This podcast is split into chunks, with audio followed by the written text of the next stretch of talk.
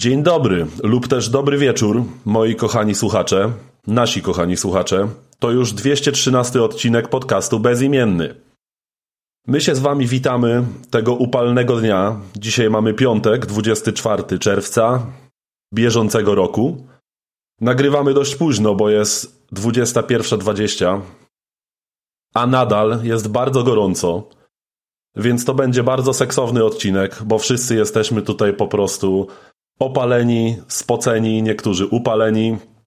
Panowie, czy u was też tak gorąco jest? Bo tutaj przedstawiam naszych dwóch pozostałych redaktorów.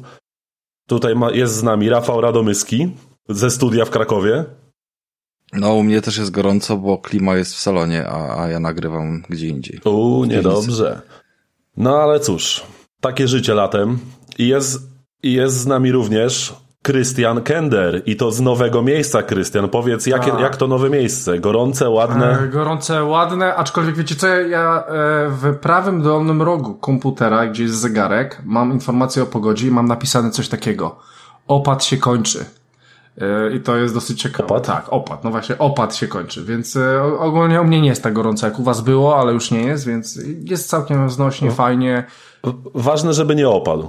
Ważne, żeby nie opadł, więc e, dzień dobry, dobry wieczór, witam wszystkich bardzo serdecznie. Tak jest. A ja za pierwszym mikrofonem Mikołaj Weiser. Witam serdecznie wszystkich. Słuchajcie, e, to jest ostatni w tym miesiącu odcinek, więc wypadałoby e, podziękować naszym wszystkim patronom. Niektórym po raz ostatni, niestety, ale dziękujemy Igorowi Wołowskiemu, Dariuszowi K., Adamowi Struzikowi, Uli Kender, Pawłowi Łukasikowi, Adamowi Ziółek, Kamilowi Kenderowi, Okularkowi i trzem Tomaszom, Wasiewiczowi, Zawadzkiemu, Tenderze naszemu, i naszym dwóm nowym patronom, czyli Karolowi Krajewskiemu i Bartoszowi Góralskiemu. Dzięki serdeczne, ludziska, za to, że z nami jesteście. Jeszcze, e, Bardzo nam się przydaje wasza pomoc. Krystian chciałby coś wtrącić. Tak, no bo e, tak co miesiąc e, powiedzmy robimy sobie jakieś podsumowanie. Ogólnie tak, do Bartka jeszcze napiszę, bo nawet nie miałem czasu się ogarnąć, e, bo zawsze tam coś na wstępie piszę, więc do Bartka napiszę e, wiadomość prywatną. E, Natomiast chciałbym powiedzieć, że jeżeli chodzi o gadżety, to gadżety już mamy. Rafał miał wysłać dzisiaj, dzisiaj nie wysłał, bo nie dostał adresu, Mieliśmy małe komplikacje po więc drodze. e, zadeklarował się, że jutro wyśle, więc e, jutro powinien wysłać. Że ogólnie, słuchajcie, zabrakło nam w gadżetach sznureczków, a gadżety są tak tandetne, że stwierdziliśmy, że sznureczki mogą pomóc się powiesić na przykład, jak je dostaniecie. Więc nie, nie, wyś, nie wyślemy wam po prostu bez sznureczków tych. Tak jest. Wszystko się zgadza, ale nasi patroni i tak będą nam wdzięczni za zajebisty content i content opakowania i content odcinka, jakby jestem o tym przekonany. Słuchajcie, co, y, Krystian, chcesz jeszcze coś dodać? Rafał? No, chcia- Chciałem tylko powiedzieć, że po prostu e, nie przejmujcie się, e, prezenty zostaną wysłane już na dniach, dosłownie na dniach. E, My już mamy, mamy zdjęcia, fajnie to wygląda, fajnie się prezentuje. Tam jest jakaś instrukcja, Rafał? Mówiłeś, że chyba jest, jak się tego używa. Jest, jest instrukcja. Wysyłał zdjęcie, ale ona wygląda jak gówno. Gówno, okej. Ważne, że gadżet nie wygląda jak gówno. Ale papier nie jest przyjemny, żeby go wykorzystać w wiadomych celach. A, to więc- szkoda, szkoda. No, okej. No, Bardzo żałujemy. W każdym razie tak. y, Naszym patronom jeszcze raz serdecznie dziękujemy. Ym, Także mamy nadzieję, że zostaniecie z nami na jak najdłużej. A tymczasem mamy dla Was kolejną porcję super zajebistej zawartości w naszym podcaście, bo trochę się ostatnio działo. Mamy o czym mówić, słuchajcie. Bo po pierwsze, dwóch dużych wydawców y, zrobiło swoje pokazy nadchodzących gier. Więc o tym sobie na pewno porozmawiamy. Mm, Odpaliła się u nas w Polsce już nowa, nowa usługa od niebieskiego dewelopera. Więc o tej usłudze też na pewno będziemy chcieli sobie porozmawiać. Troszkę sobie Sony I też. od niebieskiego kino dewelopera, czyli, czyli Disneya jeszcze. A, tak, dokładnie, chociażby też Disney Plus również Wy jeszcze- się wy nie- udostępnił. Wy jeszcze tego nie mieliście? Nie. Wow, to drugi sezon Mandaloriana, jeszcze nie mieliście tego dwa lata? O Boże, dobra. O Boże, o Boże, ten z tych wysp się tam po prostu we, we, weź, weź uzewnętrznia teraz. Wow, wow. Nie no, witamy w XXI wieku na Disney Plusie, witamy. Tak. Od razu wam mówię, w każdym razie, po pół roku chcę, jest to Także górne. porozmawiamy no. sobie właśnie o tego typu nowych usługach. Mhm. Mm, troszkę pograliśmy, niektórzy więcej, niektórzy mniej, ale jakieś gry w końcu, bo chyba od dwóch odcinków prawie żadnych gier tak naprawdę nie było, więc w końcu się jakieś gry dzisiaj pojawią. Ogólnie będzie tutaj w sumie nic dziwnego, że prowadzę ten odcinek, bo jakby będzie japońska gra, będzie japoński pokaz, będzie japoński twórca u niejapońskiego dewelopera, więc jakby ja, ja jako tutaj naczelny ekspert i miłośnik Japonii, dlatego prowadzę ten odcinek właśnie. Więc słuchajcie, panowie, yy, chciałbym pogadać z wami, posłuchać waszych, że tak powiem, spostrzeżeń, wyzłośliwień, żali, czy też może zachwytów i hypu na temat ostatnich pokazów, czyli Microsoft i Bethesda oraz Sony. Bo od którego chcecie zacząć, panowie? Może tak. To zależy, kto ma zacząć. Właśnie, jest... Dlatego zadałem wam to pytanie. Dobra, słuchajcie, to ja może chciałbym To może inaczej zróbmy, usłyszeć. słuchajcie, bo, bo, bo, bo tam jest dużo, dużo jakichś tam pokazali rzeczy le, lepszych, gorszych, znaczy... ale może zróbmy tak, że powiem po prostu o jednej rzeczy z jednego i drugiego pokazu, która nam się podobała. Ja bym chciał tak o dwóch, takiej, trzech rzeczach z tych podoba. pokazów powiedzieć. Żeby... No dosłownie, no. No dobra, spoko, możemy tak zrobić, więc chciałbym najpierw usłyszeć Krystiana, co ma do powiedzenia, na przykład na początek na temat pokazu Sony. A Zrobiłem ja, tutaj ja nie pamiętam, niespodziankę. Co, ja nie pamiętam, co oni tam pokazywali nawet. Aha, ale czyli co, nie, nie czekasz na żadną grę ze strony Sony w tym momencie? Nie, nie słyszałeś o jakichś gierkach, które by cię mogły jakoś zainteresować? Nie. W, w, w, ogólnie to e, czekam tylko chyba i, i, wyłącznie na jedną grę, która na pewno wyjdzie w tym roku, bo ja na Gadowora nie wierzę i wy też nie, nie wierzcie, że to wyjdzie. Eee, czekam tylko i wyłącznie na grę, w której będę mógł sobie, sobie popierdalać kotem. I to jest tak, chyba... o niej na pewno będziemy chcieli również powiedzieć, eee, zgadza tak. się. Eee, szczególnie, że zobaczyłem, że w moim ogródku są trzy nowe kupy i nie, nie, ja ich nie zrobiłem, a co chwilę do mnie przychodzą koty i chciałbym pograć takim skurwielem i zobaczyć, co on ma w bani, że napierdala w, ogród, w, w ogródki sąsiadów. Więc tak, to, to tak, jest tak, jedyna tak. fajna gra i w sumie taki jedyny fajny trigger, jeżeli chodzi też o nową usługę Sony. E, przynajmniej dla mnie, nie? Ale e, Stray ma się pojawić w tej nowej usłudze? Tak, no i właśnie... Tak, na premierę. O. to jest gra nie, nie od Sony, tylko trzeciego mhm. first party studia. Tak, to w ogóle jakby, to nie będzie tytuł AAA, natomiast to będzie taki double A, myślę. Mhm. E, I dla mnie to jest osobiście też bardzo ważna gra, bo w sumie jeszcze czegoś takiego nie było. Jakby gdyby ktoś o tej grze nie słyszał, to w Stray pokierujemy poczynaniami przezajebiście swoją drogą animowanego mm, kota. To jest bezdomny kot, który trafia do jakiejś dystopijnej, cyberpunkowej metropolii zamieszkanej przez roboty. Więc klimat tego. To jest cyberpunkowy kot. Cyberpunkowy kot, dokładnie. Więc klimat może być naprawdę przezajebisty i ja na to jako kociarz, Rafał zresztą też, na pewno wszyscy na to czekamy, bo po zwiastunach gra wyglądała naprawdę zacnie. Grafika znaczy... się wydaje naprawdę, naprawdę ładna i na wysokim poziomie. I szczególnie te animacje tego kota na mnie robią wrażenie, nie? To... Na mnie też. W gruncie rzeczy to jest coś nowego. To jakby tutaj, tutaj można uznać jakiś tam niezbadany temat. Ja jestem tylko pełny obaw, czy nie będzie takiej sytuacji, że cała gra i sterowanie będzie dokładnie takie samo, jak nie wiem, w innej skradance czy platformówce, tylko po prostu z animacjami ale kota to, jakby wtedy... nie ma znaczenia. To jest prawie pewne, to, wydaje to mi się, jest, że tak będzie. Ale to nie ma znaczenia. Fajny jest setting i będzie w to zajebiście pograć. Wiesz, Rafał, ale, ale chodzi o to, że, że możesz robić schemat sterowania powiedzmy taki sam jak w każdej innej grze, ale zrobić jakby samymi animacjami, na przykład tym takim lekkim opóźnieniem skoku, że on się składa do skoku, wskakuje gdzieś wyżej. Jeszcze jeśli dobrze będą wykorzystane na przykład spusty i wibracje, to wiesz o co chodzi, jakby system poruszania może mieć taki sam schemat sterowania i ogólnie zamysł, ale mieć zupełnie inny feeling, jak na przykład wiesz w Dying Light'cie chociażby, nie? Ja bym chciał, żeby ten kot mruczał, jak mu jest dobrze. I żeby No i właśnie tak. mruczały. Ale to w trailerze na nawet było, że będziesz miał interakcję, specjalny guzik do interakcji z, e, z NPC-ami, że będziesz mógł się o nich ocierać, mruczeć im, wywra- wywracać się na plecki i wystawiać brzuszek do głaskania, nie? Będziesz ich głaskał i od nich spierdalał, tak jak koty robią, nie? Bo mają... Tak. Oni mają tak.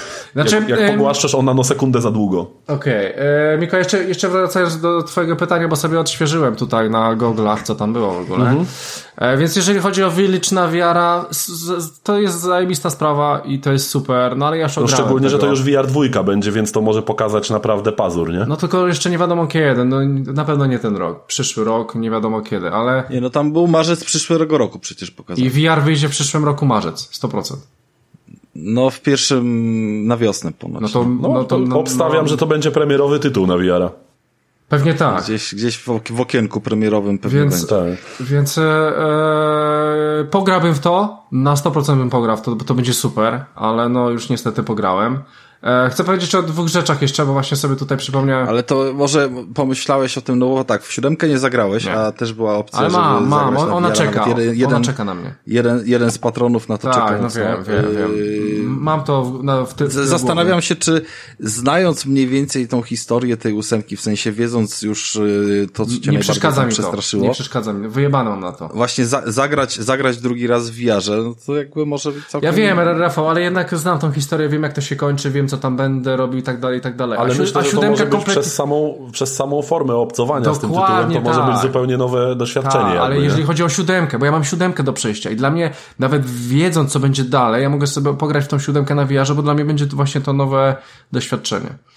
E, no, jest. pocz- poczekajcie, bo jeszcze chcę powiedzieć o dwóch rzeczach, skoro, skoro już mam. E, pierwsza rzecz to e, wyjdzie na konsolę Sony Tunik, o którym mówiłem, czyli chodzenie tym niskiem, gdzie mieliśmy na usłudze Xbox Game Pass tą grę premierowo za darmo, więc e, sprawdźcie sobie użytkownicy Sony, bo to jest zajebista gra. E, Muszę Rogue- zagrać w końcu. no, zagraj, bo jest świetny. To jest jedna rzecz, więc e, o tym mówię. I druga rzecz jest bardzo fajna, bo wyjdzie też na VR dwójkę. E, Walking Dead Saints and Sinner. E, Sinners e, Chapter 2. No w sumie to jest druga część. Ja muszę koniecznie zagrać w jedynkę, bo słyszałem, że to jest jedna z lepszych gier w ogóle na VR-a. Szczególnie, że kli- klimat mi siedzi. A to będzie Wiesz, co jest część. ciekawe, że ja w ogóle w życiu o tej grze nie słyszałem. Ale ty nie jesteś VR-owy, nie, nie siedzisz w temacie VR-a. No nie, ale jakby siedzę w, branży mocno nie? I jakby wydaje mi się, że jeśli coś jest to tak dobrego, jak mówisz, że to jest jedna z Jest, lepszych gier ale na wiesz, VR, to aż, aż dobrze, dziwne, że to- nie słyszałem, wiesz? To teraz, to teraz ci powiem, jeżeli chodzi o gry VR, to one są niszowe. Nie oszukujmy się, to jest nisza. To są, to są gry, w które, nie, No tak. w które nie zagra każdy, więc Jak, jakie gry znasz na Oculusa, jakby, którego się sprzedało 15 milionów od y, startu, E, wiesz, więcej niż Xbox. poza, Jakie gry poza Half-Life'em, bo ja tak na dobrą sprawę tylko tego Half-Life'a znam, którego też bym No zajebiście ale. Half-Life nawet nie wyszedł natywnie na Oculusa, tylko na PC-ty ogólnie. Tak, tak, ale, ale to właśnie myśli- doświadczenie VR-owe. Tam e, elementy, które zapodali do tego VR-a podobno Rion Beret i jest to kozak i w to trzeba zagrać. Dziwię się, że jeszcze ty w, tego, w to nie grałeś. Mam na dysku. No, e, więc koniecznie to. No i o, chyba na, najśmieszniejsza rzecz jest taka, że Spider-Man wjeżdża na PC, więc e, wszystko wcześniej czy później z Sony też wjeżdża na PC. Microsoft w dniu premiery Sony po jakimś czasie. E, No I tak. tyle. Jeżeli, jeżeli chodzi o remake Rezydenta Evil 4, to jakoś nie ruszałem te stare Rezydenty. To prędzej jeszcze tą, w tą dwójkę bym chętnie pograł, bo ten remake był spoko. A re, reszta... Re, Reszta okej, no ta konferencja była, była ogólnie lepsza niż o, przez ostatnie porządku, dwa lata tak. konferencji Sony. A Rafał? Dobra, to, to Rafał nie ma nic do powiedzenia przecież. Rafał nie ma chyba nic do powiedzenia, bo Krystian chyba wyczerpał temat, co? Nie no, chyba, że coś ma. Myślę, że dużo jeszcze mogę ci powiedzieć. No to Słuchaj. Zaczynając od rezydentów, przy których jesteśmy, bo, bo, bo gdzieś ciepło te tytuły zacząłem dostrzegać właśnie od y, siódemki y, dwa lata temu w okolicach właśnie premiery PS5. Mm, zacząłem od siódemki ogrywanie tych rezydentów i, i już cztery z nich poznałem. Y, Poza zapowiedzianym rezydentem, tym village'em na, na VR-y i czwórką w remake'u, z której się cieszę, bo już sobie przygotowałem na kolejne poznawanie mm, całej historii czwórkę, piątkę i szóstkę w, w tym powiedzmy, że remasterze, który na PS4 gdzieś tam jest dostępny, ale to jest bieda i drewno straszne i, i, i nawet y, początek tej czwórki już odstraszał mocno po tym, jak się grało w te pełnoprawne remake'i, mhm. dwójki i trójki, więc y, cieszy mnie, że kolejna jakby z brakującej mi do kompletu trylogii będzie, będzie gra z remakeowana i nie spieszy mi się powiedzmy z poznaniem tych historii, a skoro już idą w kolejną trylogię, to można mieć yy, świadomość taką trochę graniczącą z pewnością, że piątkę i szóstkę też zrobią, tak? Tylko czy one de facto potrzebują tak bardzo remake'u? Znowu bardziej remaster, myślę, tam by wjechał. Nie, nie, nie, nie, potrzebują, słuchaj. To wszystko, co wyszło wtedy w czasach, wiesz, PS3, mhm to, to naprawdę wygląda drewnianie. Ja tą czwórkę odpalałem parę miesięcy temu i tam się naprawdę źle porusza, źle steruje, źle działa kamera. Mhm. Y, pomimo tego, że tekstury były podniesione do jakiegoś HD, to cała reszta wyglądała po prostu, wiesz, biednie. bardzo biednie w porównaniu do dwójki i trójki, która była tak naprawdę w natywnej jakości na PS4 odpalana, bo kolejną rzeczą jest fakt, że właśnie dwójka i trójka mm, oraz siódemka, zresztą Krystian, dostały darmowe upgrade'y do wersji. A swoją drogą. No tak, ale, ale ja będę grał w to na VR, Rafał, więc.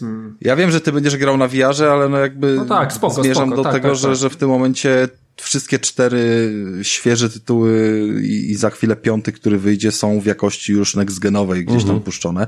Co prawda nie, nie działa to idealnie z tego, co słyszałem, bo, bo, bo jeszcze nie grałem w te, w te odświeżone, ale... Tak, ray tracing ale bardzo mają tam podobne jakieś problemy. No tak, no wiadomo, że to zostało dorzucone tylko gdzieś tam na kolanie i chcieli po prostu zrobić trochę wow. Oni mieli w ogóle swoją oddzielną konferencję, więc to, uh -huh. co mhm. u Sony y, usłyszeliśmy tylko o tych dwóch grach, to, to potem na oddzielne jeszcze tak. rozwinęli. E, ja zobaczyłem zresztą, bo już sobie zrobiłem na dysku upgrade tej swojej trójki dzisiaj. Mm, jak ją odpaliłem, to, to był taki komunikat o ustawieniach właśnie jakości, żeby włączyć sobie ten ray tracing. Znaczy, mogłeś go włączyć i wyłączyć. To dla Krystiana a... taki, taki komunikat chyba był. Taki dla Krystiana komunikat, ale co lepiej, niżej miałeś opcję y, z ustawieniem jakby wyższej płynności, czy coś w tym stylu, y, tak jakby priorytetu, wiesz, na, na, na, na 120. dynamikę lub wydajność nawet myślę, że z 30 na 60. Nie wiem, nie, nie wiem dokładnie o co im chodziło, bo ta opcja nie działa. I kiedy próbujesz ją zmienić, to wyświetla się, że brakuje ci sprzętu, więc się już zastanawiam, czy oni coś wiedzą. Nie no, ale bo tam jest. Pro albo. Nie, bo tam jest przecież. Yy, brakuje ci sprzętu, nie rozumiem. No, słuchaj, mam, mam screena, mogę ci przeczytać dokładnie, co na tym komunikacie było napisane, bo go nawet wysłałem dzisiaj nam na konwersacji. A to nie widziałem. Yy, dokładnie na tym screenie jest yy, napisane, że chwila, moment. Yy, nie, może, nie można korzystać z tej funkcji w przypadku bieżącej konfiguracji sprzętowej. Co? Czyli no dokładnie taki komunikat się wyświetla. To serio, tak więc... jakby już jakaś, jakiś dziwny wyciek, że pracują tak, nad Pro, tak, tak. kurwa, czy co? Nie mam pojęcia. Myślę, że to jest właśnie kwestia tych niedoróbek, które stwierdzili oraz, y, mhm. bo rezydenty są na PC tak dostępne, nie? Więc pewnie to jest komunikat, którego gdzieś, wiesz, ktoś może nie, nie, nie przesunął. Może, no. E no dobra. W każdym razie, w każdym razie te, te, te pacze weszły. Ja, ja czekam na czwórkę to, to na pewno jest jedna z tych gier, które chętnie e, dorzucę gdzieś tam do biblioteki. Mm, wiara raczej grać nie będę w te horrorowate tytuły, ale z kolei, jeżeli już jesteśmy przy wiarze, to na pewno będę grał w Horizona. Nieważne, czy to będzie e, pierdu, pierdu przygoda po, po linijce na trzy godziny, czy może coś większego, ale jakby sama opcja obcowania tego w tym świecie... bo to by się bardzo podobał ten świat właśnie, więc jakby dla ciebie pewnie ja to będzie mega ten świat, uwielbiam uwielbiam roboty, uwielbiam dinozaury i, i ogólnie cały ten świat jest y, spoko, więc y, możliwość zobaczenia rozmiaru, no bo wiecie, jak jesteśmy z kamerą trzeciej osoby tak, i nawet walczymy sobie małą postacią z, z jakimś większym e, stworzeniem. Nawet jeśli to, to będzie wrażenie... jakaś totalna reżyseria, jakby to, to i tak będzie fajne doświadczenie, podejrzewam, jakby właśnie, no, chociażby zobaczenie właśnie, jak monumentalnie wielkiej, jakby chciałbym stanąć z VR-em u tak, żyrafa na dokładnie przykład. Dokładnie tak, bo ty, ty, go, ty go widzisz na kamerze i jakby wiesz, jak, jak grasz w normalną część gry w takiej perspektywie, że praktycznie cały czas masz go całego na kamerze albo, albo nie wiem, chociaż jego yy, tłów czy nogi tego żyrafa, czy tam innego stwora, albo trzymasz się na dystans, a tutaj będą opcje, żeby wiesz, y, naprawdę się zbliżyć do tych stworów mhm. i, i, zobaczyć po prostu ten ich rozmiar. Tak, jak przyłożą się do animacji i tak dalej, to może być naprawdę zajebiste doświadczenie nawet, nawet takie kwestie, które gdzieś tam mogą dorzucić w ramach, wiesz, bonusów yy, poza, poza samą grą, żeby właśnie zrobić sobie tak jak, yy, nie wiem, w jakimś parku jurajskim, czy coś, jakieś, wiesz, opcje zwiedzania, czy coś w tym stylu i, i oglądania mhm. tych maszyn, bo tam w, w, oryginale była taka dosyć rozbudowana biblioteka tych stworów, gdzie Jasne. można sobie było tam pooglądać, po, po, wiesz, poskanować i tego typu rzeczy robić. Tak, tak. Więc myślę, że to będzie ok. Pokédex będzie że... można sobie podejrzeć po prostu. Myślę, że bardzo będzie mi się podobało strzelanie z łuku mhm. na kontrolerach VR-owych, bo nie kojarzę obecnie jakiejś dobrej gry, która by to wykorzystywała, ale pamiętam bardzo dobrze strzelanie z łuku z e, pierwszego tytułu, który na PS3 e, jeszcze kontrolery Move'a wykorzystywał, tak. czyli słynne Sport Champions. I celowanie jakby lewą ręką, naciąg prawą i jakby to wyciąganie strzał, to po prostu zawsze robiło robotę. Jest to jedną z fajniejszych, y, fajniej oddanych czynności jakby ruchowych, więc y, no Alo jakby ze swoim łukiem powinna tutaj też się gdzieś tam popisać trochę w tym, Poczką. Y, w tym tytule. Dobra, no to jedziemy dalej chyba. Ko kota, poczekaj, to ci powiem tylko, że kota jak najbardziej też, ale jest jeszcze jedna rzecz, która mnie tam na tym pokazie yy, zaskoczyła i było to to właśnie, że nie pokazali Godowora i nie pokazali jakby żadnego killera na drugą połowę tego roku. Mm -hmm. no, w, tym, no, w, tym, kontekście negatywnym. Teoretycznie, tam... teoretycznie oni ciągle podkreślają, że ten God of War w tym roku wyjdzie, ale to jest aż dziwne, nie? że skoro ma wyjść w tym roku, że nie pokazali nic tak naprawdę o tej grze. Wiesz co, tylko że śledząc ostatnie dwa czy trzy lata nawet jakby związane z y, premierami u nich, to bardzo mało jakby zapowiedzi było takich, wiesz, z dużym wyprzedzeniem daty, potem były jakieś przesunięcia i tak dalej. Wydaje mi się po prostu, że jeżeli jeszcze jest okienko na zasadzie, że planują na wrzesień, ale mogą to zrobić potencjalnie i w październiku, to, to, to jest przestrzeń, żeby gdzieś tam poczekać z tym wszystkim, nie? No jakby po, po co jakby przepalać y, hajs marketingowy z wykorzystaniem Godowora teraz, skoro teraz y, czekała na premierę usługa nowa, nie? To jakby nie ma sensu łączenie jedno z drugim. To jakby jest czy kwestia, ja wiem, żeby cały czas się, cały czas się paliło w piecu, no to to jakby na razie spalą, wiesz, y, plusem nowym, a Godowor pójdzie jak trochę tam temat przyciśnie, przycichnie za chwilę. Bardzo możliwe, ja aczkolwiek jest to dla mnie martwię. mimo wszystko dziwne, że nie było no nic, tak naprawdę. E, poczekajcie, a, a, co, a, a ten The Last of Us on nie wychodzi w tym roku? The Last of Us wychodzi. Jak najbardziej. To jest Ach, na chyba właśnie ten, ten za 339 zł? Ten, ten co. Tak, ten za 339 wkleje za 339 zł, to to, to o, o tej grze mówimy, tak? Aha. Tak, o tej. Okay, okay. Dokładnie. No, Jakby. Znaczy trudno o tym nie wspomnieć, jakby już. Boże, Jeba, jebaliśmy, ja jebaliśmy Sony za to u nas na grupie wow. i to bardzo okrutnie. No, mówię, no jakby ja już powiedziałem, że dla mnie to jest bezczelny skok na kasę i żerowanie na sentymencie tak naprawdę do jakiejś gry.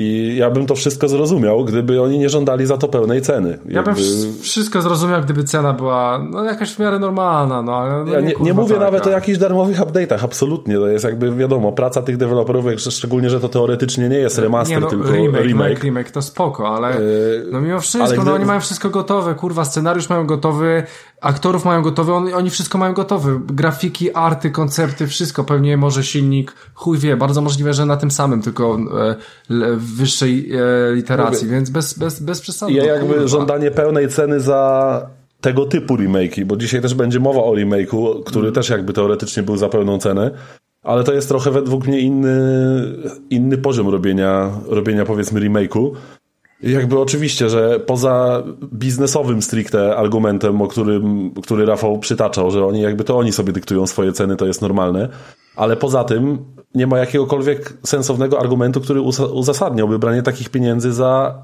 remake gry, która się nawet specjalnie tak bardzo nie Zgadzam zastarzała. Się. Mniej I ona pracy, już miała remaster. Mniej pracy zostało poświęcone, wszystko było jakby... Znaczy inaczej, no, przedciągnięcie gdzieś tam na, wiesz, na, na, na ten silnik, który przygotowali nową konsolę. Może tam i pracy jest, no, ale wiadomo, że dialogów od nowa nie nagrywali, wiadomo, że nie tworzyli scenariusza, nie tworzyli lokacji. Wszyscy wiemy doskonale, że tego było dużo, dużo mniej oraz, że wykorzystali asety, które mają z y, dwójki i przenieśli po prostu sobie, wiesz, z tego, y, z tego cyrku zrobili gdzieś tam nową grę. Więc ja się zgadzam, że ta cena jest, jest wiesz, przeorana. No to, ale z drugiej Jestem strony, przekonany, Rafał, że to będzie... ty na przykład i takie i, i tobie podobne niebieskie spoceńce, że tak powiem, będą głosować portfelami i ty już nam zadeklarowałeś, Rafał stary, że kupisz... preordera robi. Ty, ale mało tego, że preordera, on kupuje kurwa Steelbook za 440 zł. Nie kupię Steelbooka, bo nie jest oficjalnie zapowiedziany w ogóle w Europie póki co. Jak, jak będzie zapowiedziany, to go kupię pewnie, no jak najbardziej. Zobaczymy, jaka będzie sytuacja. Na razie to jakaś tam skromna, limitowana, wiesz, na Stany została wyprzedana z ich sklepu po prostu, wiesz, seria. Wiesz, Rafał, że to się leczy? Mm, wiesz co, ale to jest tylko i wyłącznie jakaś moja, wiesz, prywatna, prywatne podejście do tej gry, bo to jest trochę tak jak miałem z Metal Gearem i mogę się tu jakby uzewnętrznić, że y, Metal Geara, którego kocham od 25 y, przeszło lat, to jest gra, która, wiesz, zmieniła moje życie w jakiś sposób i od zawsze będzie to miała numer jeden a ja ją bezczelnie wtedy spiraciłem, byłem gówniarzem, nieświadomym i tak dalej. I potem zrobiłem to drugi raz jeszcze na PC, bo byłem trochę starszym gówniarzem, dalej nieświadomym. I teraz tego Metal Geara już y, kupiłem. Pierwszy raz go kupiłem normalnie w cenę już kiedy na PS3 były klasyki do kupienia z PSX-a i, i wtedy gdzieś tam zapłaciłem kilkadziesiąt złotych za niego. Potem drugi raz kupiłem klasika PSX-a, bo tam też był Metal Gear, zresztą ten, na którego ogrywałeś. Swoją drogą w śmiesznej cenie, jakiejś promocyjnej, więc tam no, nikt na tym nie zyskał, ale, -hmm. ale no jakiś tantiem pewnie był za licencję. No tak. yy, ale, ale do, do rzeczy, i... do rzeczy, do rzeczy. Proszę mi, I tak samo go tutaj... kupiłem kolejny trzeci raz y, na, na PC ostatnio, tak? To nie były duże wydatki, ale, ale Kumam, Rafał, były. każdy ma jakieś gry, Last... które kupował po kilka razy, jakby to jest to No jest i z The Last of Us mam taką sytuację, że na PS3 jej nie poznałem, bo konsola mi umarła przed, przed końcem jakby jej żywota. Yy, do czwórki, gdy się dobrałem, to ten remaster był już gotowy, chodził po śmiesznych pieniądzach i swoją drogą od Mikiego, który teraz siedzi w i, te promki rozdaje w tym. No, Boże, utyk. Dobra, nieważne, nie będę mówił, ale, ale wiecie o, o, kogo chodzi. To od niego kupiłem za pięć dych y, The Last of Us 1, bo się odbił strasznie od tej gry. Ja się też od tej gry strasznie odbiłem i też ją za pięć dych sprzedałem kolejnemu y, rozgrywkowemu no, podcasterowi i w ten sposób ona przeszła przez kilka rąk, jakby każdy się od niej odbijał. Natomiast y, po powrocie, który de facto miał miejsce w zeszłym roku, yy, dopiero na PS5, no niesamowicie siadło. jakby doceniłem i siadło po przełamaniu jakiejś swojej wewnętrznej bariery, bo jakby ta granic nie zawiniła temu, że ja miałem na coś tam blokadę, nie?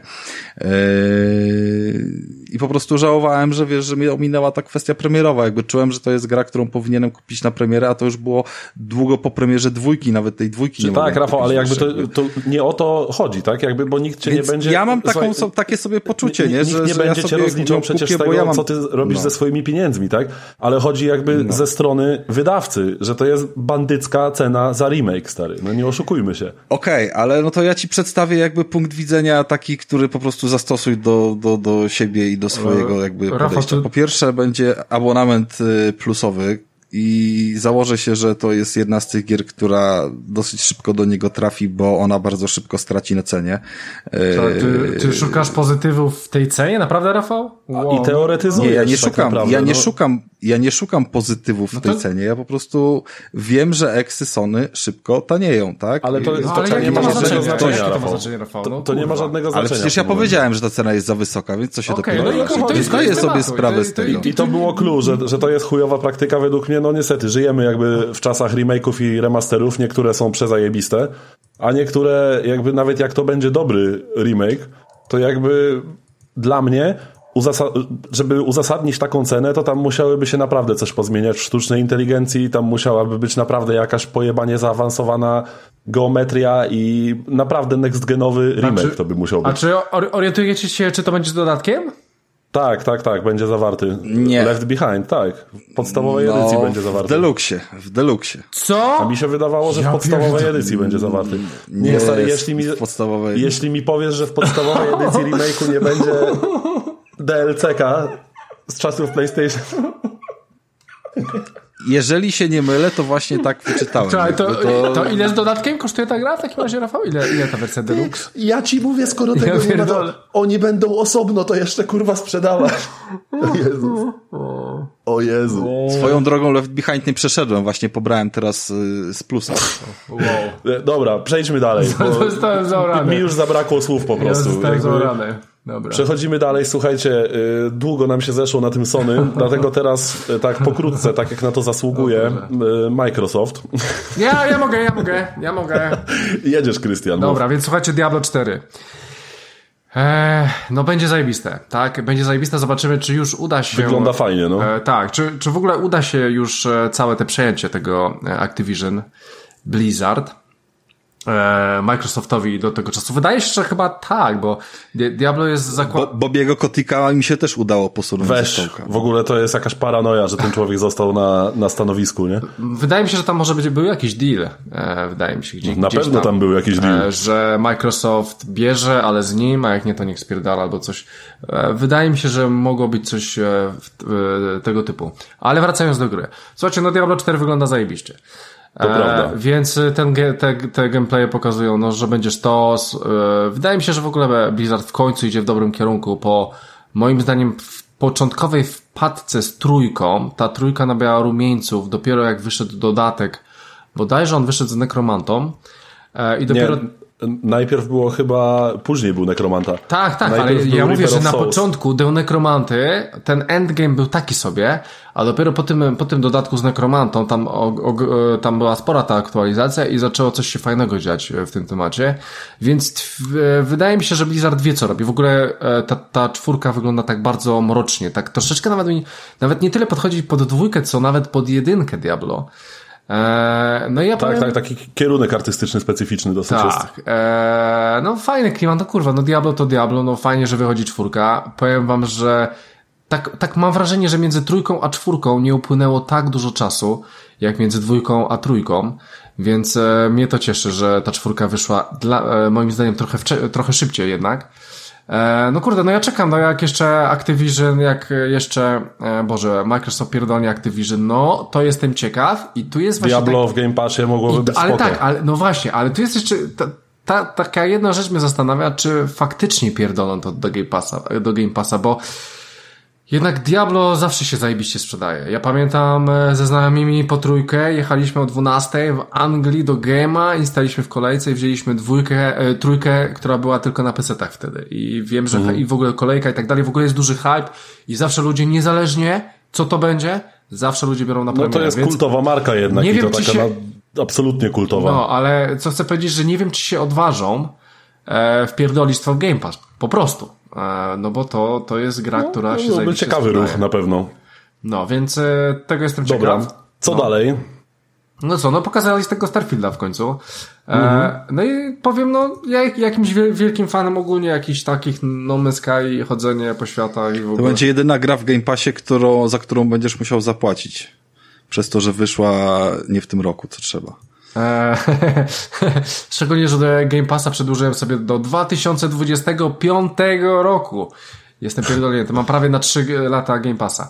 Eee, więc, no, ale Rafał, no Spoko. słuchaj, Ja słuchaj. generalnie też jak najbardziej, y, jak najbardziej czekam na Starfielda, myślę bardziej nawet niż na Diablo, bo jakby Diablo ja właściwie przeszedłem tylko raz z kolegą na kanapowym koopie No. Mm, i to było super doświadczenie, więc ja na pewno w tobie Diablo zagram. Yy, ale na pewno bardziej czekam na Starfielda, bo jakby ten gameplay, co pokazali, mnie osobiście podoba się oprawa tej gry, chociaż mogliby zmienić silnik. On jest ewidentnie problematyczny. Zajebisty kosmos. Robi wrażenie, że Nie, tak powiem. No, no znaczy ogólnie... Tam To jest będzie ogromna gra. yy, ogromna, co, naprawdę co mnie ogromna. zaniepokoiło, tylko to jakby, że tak powiem, kinowe doświadczenie nam zagwarantowali w tym gameplayu, czyli 24 klatki na sekundę. E, No, wydaje mi się, że to może być też e, powód, dlaczego przesunęli tą premierę, nie? Tak, tak, ewidentnie jeszcze potrzebuje szlifów. E, Co dalej, jakby też z mojej strony na przykład. jak ty powiedziałeś o Diablo, to ja na przykład w mój klimat ta gra już trafiła kilka lat temu dobrych, również na pokazie Microsoftu, o ile dobrze pamiętam. Wiem, I to powiesz. jest Scorn. Oczywiście, że tak. No. Ja na to czekam od dawna, bo jest absolutnie fantastyczny kierunek artystyczny. Rewelacyjny. Yy, obrany, jakby ewidentnie inspirowany dziełami Gigera i może trochę Beksińskim. Jest, jest, miejscami. jest Beksińskiego, jest, jest trochę. Ale bardziej mi to zalatuje Gigerem, te takie jakieś, no. że tak powiem, cielesno-łuskowate twory ala obcy. No ala obcy. I jakby jeśli dojdzie do tego, nawet jeśli gameplay będzie średni w tej grze, to ja to i tak łykam, nawet jeśli to miałby być symulator chodzenia, nie? jakby ze względu na klimat. Jedyną, jedyną obawą, którą słyszałem o Skornie jest taka, że podobno jest bardzo krótka. Taka bardzo, bardzo krótka. E, to może nawet nie mieć... To 8, może być słabe, no. To może nawet nie mieć 8 godzin. Ale, no, ale z, zobaczymy. Znaczy, ja nie mam problemu z krótkimi grami tak naprawdę. Znaczy ja, Jeśli ja w ona tych będzie czasach to też nie. Wiesz, jakby biorąc pod uwagę, że ona się praktycznie na 100% pojawi w Game Passie na premierę, to chyba nawet podkreślili na tym yy, pokazie, to jakby o, właśnie w, abonamentoza powszechna trochę zmieniła mi podejście do gier o tyle, że nie obawiam się krótkich gier, wręcz witam je czasem z otwartymi ramionami. Jakby przy takim natłoku premier i gier do ogrania naprawdę podobają mi się krótsze doświadczenia, które mogę w miarę sprawnie ukończyć, nie? Tak, bo przysiadasz się na dwa dni i będzie spokój. Jakby, Dokładnie. Nawet powiedzmy, że Stray też będzie w przerwie od Starfielda na przykład mogę 5 godzin inną grę. To jakby ja sobie też cenię takie doświadczenia, zwarte i konkretne, nie? A ty, Rafał, na coś Mikołaj czekasz? teraz, Mikołaj teraz w przerwie od Elden Ringa gra w demony, słuchajcie, to, to, to jest po prostu idealny zamiennik, kurwa, jednego na drugie. Tak jest. Znudziło mi się to szmacenie, więc idę robić to samo. Tak, tylko że szmacić się jeszcze bardziej, bo Elden Ring w porównaniu do Demon Souls to jest, kurwa, przebieżka po łączce. No dobra, przynajmniej była rozgrzewka. Tak jest. E, ja przede wszystkim z tego... Pff, no dosyć długiego doświadczenia, jakim była ta, ta, ta cała prezentacja Microsoftu. Ona półtorej godziny ponad trwała. No, trwała półtorej godziny i jakby było, było dokładnie tyle y, exciting y, wypowiedzianych, ile się spodziewałem, że będzie, ale, ale exciting nie było tyle z mojej strony i autentycznie byłem znudzony i nie było to tylko gdzieś tam moje okay, odczucie. Przynajmniej ekskluzywy bo... będą w tym roku, Rafa, wiesz. First party. Mm, specjalnie zostało to fajnie powiedziane, że, tak, że ty, tylko nie, gry... nie, nie, nie, pokażemy, co będzie w tym roku, tylko pokażemy najbliższe 12 miesięcy. No, w porządku, A ale, to i ale tak w tym roku sprytny no. marketingowy zabieg, ale i tak podoba mi się taka deklaracja, że jakby prezentacja jest oparta na tytułach z najbliższych 12 miesięcy. To jest coś, co ja tak, akurat to jest... uważam Można to docenić, bo, bo, bo nie tam 2024 kiedyś pracujemy, nie podamy wam daty. Dokładnie. To jakby spoko. Yy, tylko zobaczymy, wiesz, ile z tego wyjdzie, bo, bo jest sytuacja jaka jest, no i ile osób czekało na Stalkera, tyle wie, że, że wiesz, no tak, ale to masz... że się nieprędko doczeka. Już, no wiesz, niestety, już, już, bardzo już mnie to martwi. Gameplay Starfielda pokazali, Diablo gameplay pokazali. No gameplay Starfielda pokazali i ja w to będę grał, jakby Oczywiście, wiem, że, że, będziesz. w, w, w, w, tym, w tym klimacie w tym klimacie. No pewnie tak, bo właśnie mi się kończy za parę dni, więc... Super, zapraszam. Żółwie Ninja. Przepiękna będzie trochę historia, przerwy. No. Mm, natomiast, y, natomiast no widzę tam problemy w tą grą. Nie wiem, czy będę w nią grał na premierę. Mm, pewnie będę próbował, zobaczymy w jakim stanie ona wyjdzie, bo... Wszyscy będą y, grali. Ja obstawiam, decyzja... że wyjdzie w opłakanym stanie, jak w sumie każda znaczy, no właśnie, Bethesdy. słuchajcie, no de decyzja o wrzuceniu na pokazie czegoś, co po prostu ewidentnie gubi klatki jakby i chodzi w 24 FPS-ach, to jest dosyć odważna decyzja, nawet jak na Microsoft. No jakby umówmy się, że to, to zrobiło wrażenie tym, że o, można z planety wylecieć w kosmos, ale to tylko tak na zasadzie, że klikniesz sobie w menu, nie, że No Man's Sky. Znaczy, no, no tak, wiadomo, no ale spoko. nikt też tak naprawdę no, nie oczekiwał No Man's. Sky od tej gry. Nie, ja, Tomek oczekiwał, ja nie oczekiwałem. Jakby spoko. Wiem, wiem doskonale, że przesyt takich y, wolności to byłoby za dużo i nikomu niepotrzebne. Ja bym się odbił od tej to, gry, co- wiem o tym, że gdyby, nawet gdyby nawet tak było, to, co bym się powiedzieli. No ale oni i tak powiedzieli, że tam będzie z tysiąc planet czy, coś w tym Więc stylu właśnie. komu to potrzebne. No Jakby- jakby, ja, ja, ja tego nie oczekuję, ogromne mapy są, są wiesz, yy, na tyle Eee, dobre, na ile są wypełnione treścią. Bo, bo jeż- ja jeszcze chcę troszeczkę wrócić o, kla- o klatkach, bo wyszła informacja w sumie e, parę godzin temu, Że to było 25 FPS. Nie, nie, nie, że to były 24 klatki, ale dlatego, bo było ogrywane na, na, ogrywane na bolidzie PlayStation 5. Dlatego to tak wygląda. Podobno na Xboxie ma być w porządku, będzie 30. Czyli tym samym zaprzeczasz, że to będzie pierwszy ekskluzyw od dawna Xboxowy, tak? Samo zaoranie level milion, kurwa, już idź. Ale przecież to ma wyjść, to, to wejdzie też Rafał na twoją, na PlayStation. To nie wyjdzie na PlayStation. Oczywiście, Stary, że wyjdzie. Starfield jest, jest Microsoftowym ekskluzywem. Pierdolicie. Teraz świerszcza proszę wstawić, okay, kurwa. Okay. no to się zaorałem. Nie, Krystian, serio? Czy, czy mnie w chuja robicie? Nie, miałem wrażenie, że to ma wyjść na e, obydwie platformy. Nie, ja przecież nie już dawno może, było może, powiedziane, może, że Starfield wychodzi tylko na platformy Microsoftu. No, to, to, nawet lepiej. No. Diablo to owszem, Diablo tak, wyjdzie tak, na wszystkie. Tak. No, tam... Diablo na pewno nie, nie zostawiam. Oni będą, wiecie, ko ko kościli no dobra, w porządku. jeszcze jakimiś nie, nie, nie ważne, dodatkami. Nie tak, ja to, no i tak naprawdę tak zapłacę, ja zamykam...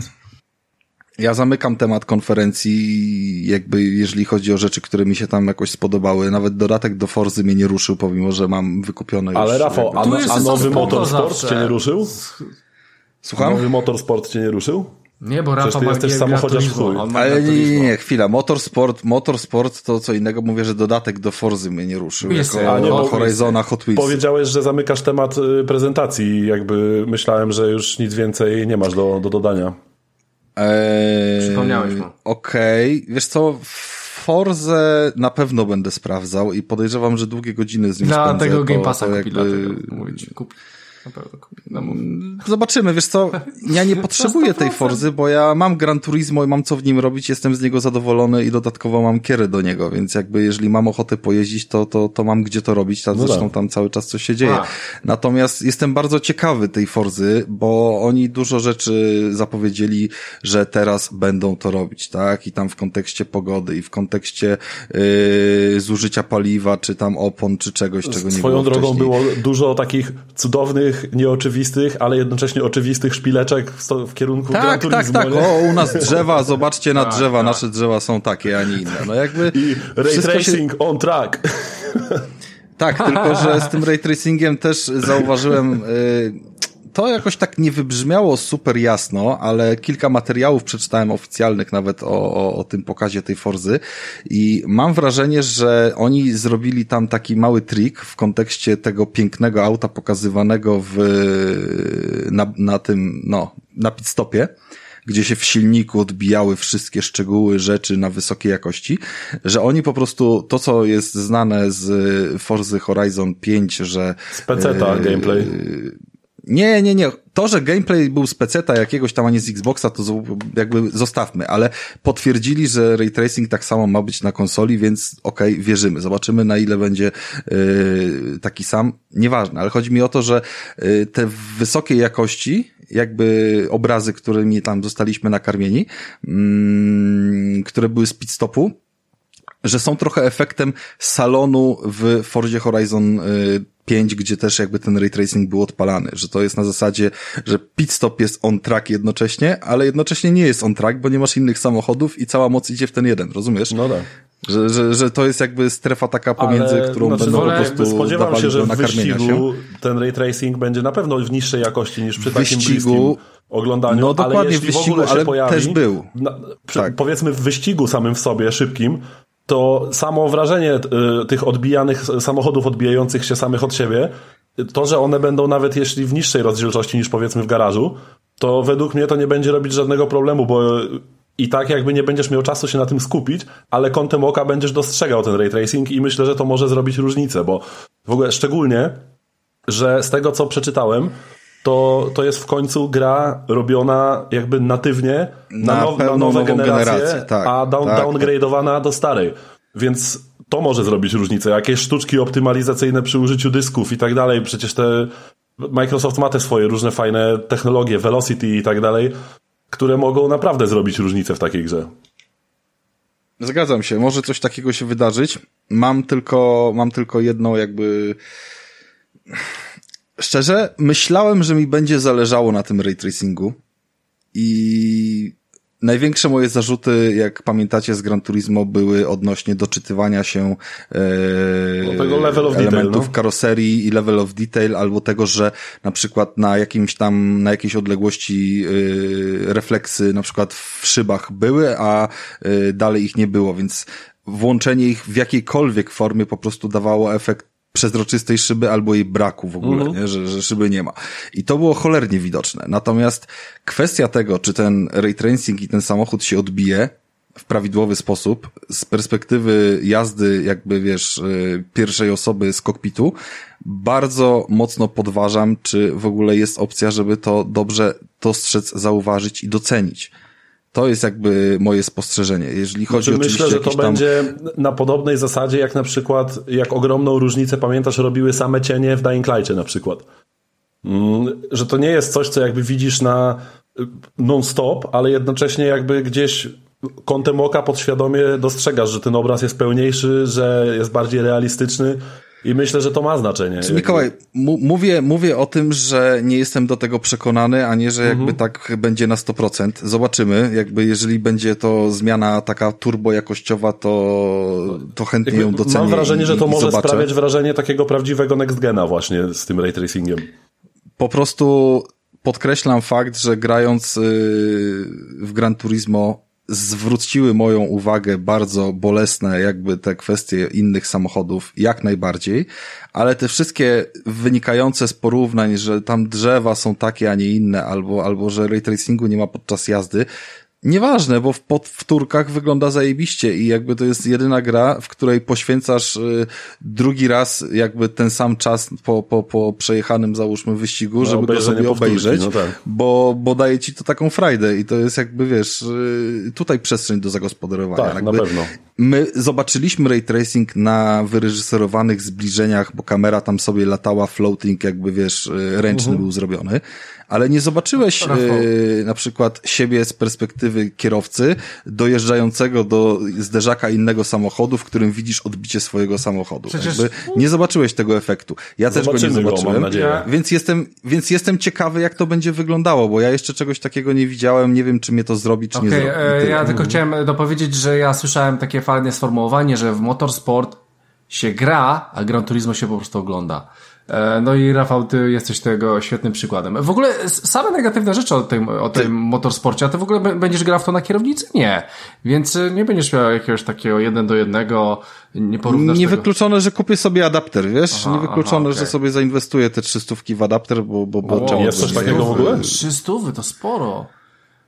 E, jest, jest podobno, gdzieś tam Chińczycy robią jakieś Kurde. takie obejścia, że te sprzęty potrafią zadziałać. to wciąż taniej niż druga kierownica. nie ma albo coś, nie? Nie, myślę, myślę, że nie. Ktoś tam mi opowiadał o tym, czytałem jakieś wątki, że, że to działa spoko. No jakby to jakieś tam zabezpieczenie jest tylko, a nie, że to trzeba no, wiecie obchodzić. Ja, ja jestem tylko no ciekaw, dobra. komputera to Tylko na koniec e, porównamy sobie, ile, ile graczy zagrało Czy... w Gran Turismo nowe, a ile graczy zagrało w nową Forza Motorsport. Okej, okay, myślę, że... Okej, okay, już cicho, Mikołaj może, no. ile, ile graczy zagrało? O kurwa, to wymyśliłeś. No okej, okay. no, czy, no to wiesz, no, Dobra. pudełka się sprzedają. Myślę, tak, że tymi wspaniałymi wynurzeniami będziemy mogli zamknąć temat y, konferencji ostatnich. No na pewno będzie w co grać. Y, czy to w duże jest. tytuły, czy, czy trochę mniejsze. Jest w co grać. A jako, że jest w co grać, y, to myślę, że chciałbym powiedzieć o tym, w co ostatnio gram, bo gram w bardzo, bardzo zajebistą rzecz. A to czekaj, to my nie robimy od razu przy tej pogadance, zanim pójdziemy do gier yy, jeszcze no, Game Passa i Plusa nowego? No właśnie, A, no jak chcecie, że to sumie... jest takie płynne przejście, ale zjebałem. Racja, przepraszam, okay. zapomniałem się. Jakby... Nie, znaczy to jest tak... Szło, szło ci dobrze, ale wyjebałeś no, się na ostatnim trochę tak, trochę tak. No. Dobra, przepraszam, to w takim razie oddaję głos ludziom bardziej yy, wykwalifikowanym ode mnie, bo ja jakby nawet specjalnie nie, nie czytałem za wiele o tym nowym plusie, mm, bo jakby do niedawna jeszcze nie miałem playki, więc y, mniej mnie to trochę interesowało. Nic nie tracisz spokojnie, no. Znaczy myślę, że trochę tracę, bo sam z tego, co już przeczytałem, to mam trochę gier, które na pewno chciałbym zagrać, a nie miałem wcześniej okazji, teraz będę miał. Więc ja na pewno, ja na pewno tego PS Plusa sprawdzę. Poczekaj, Natomiast no dobra, myślę, no, że tak. tutaj Rafałowi bym oddał najpierw głos, bo on na pewno dość intensywnie śledził doniesienia o nowym PS Plusie który wczoraj bodajże, czy przedwczoraj zadebiutował? Wczoraj, wczoraj, wczoraj w nocy. Wczoraj w nocy. Rano w zasadzie. Także świeżutka usługa od Sony. No i powiedz, Rafał, co tam masz do powiedzenia na temat y, nowego PS Plusa, bądź też nowych PS Plusów? Tylko nie na dwie godziny, Rafał. Nie, nie na dwie godziny, ale. Tak, raczej taki szybki strzał.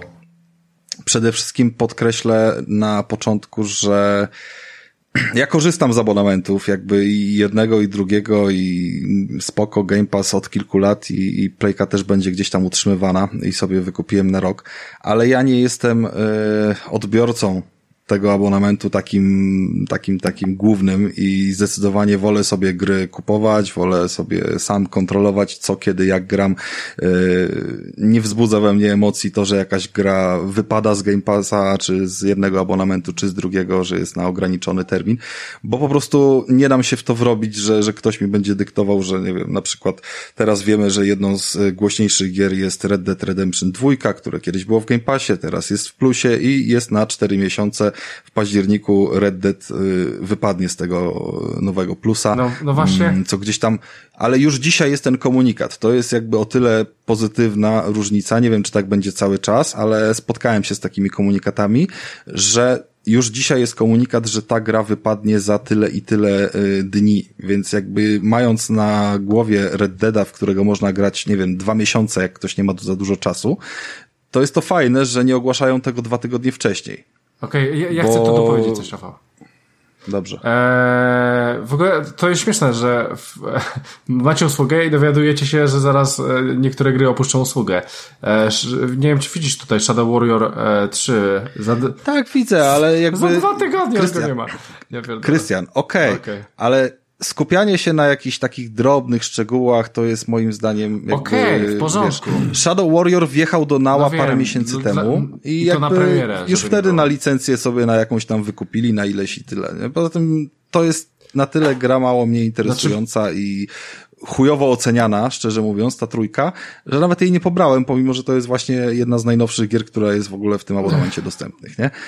Więc y, no. kwestię Shadow Warriora zostawiam, ale przyszłościowo patrząc na, na, na lata, że tak powiem, korzystania z tej usługi, to jest to dobry sygnał, żebyśmy wiedzieli, że ta gra wypadnie załóżmy za trzy miesiące, żebyśmy znali ten termin, mogli sobie zaplanować jakieś swoje rozegranie, bo to jest takie trochę fair do użytkownika. No jakby spoko. wyobraź sobie, no, że się dowiadujesz, że masz nie, no, Red Deada za dwa tygodnie do wypadku. Tak, to, by było dwa fajne. Tygodnie nie, natomiast, ale na przykład natomiast, ale no w Game Passie się, do, w Game Passie się dowiadujesz, w Game Passie zawsze masz dwa, dwa tygodnie. tygodnie. Jakby tak, do tego tak. zostaliśmy przyzwyczajeni. Netflix zresztą tak samo mówi, kiedy co wypadnie, czy HBO, więc to jest jakaś fajna zmiana. Mam nadzieję, że to zostanie utrzymane. No oby to był standard i, jakby. To jest I że będzie spoko. wprowadzone to jako nowy standard. To jest spoko, to jest a nie jakby... spoko, że już odchodzą parę gier, no. A, no oczywiście, no ale jeżeli to jest konwersja w jakiś sposób y, PS Nała, z którym my nie mieliśmy styczności i tam te wszystkie, wiecie, mamy gównoburze o to, że tam jest 80 y, gier w Stanach dostępnych, których nie ma w Europie, tak?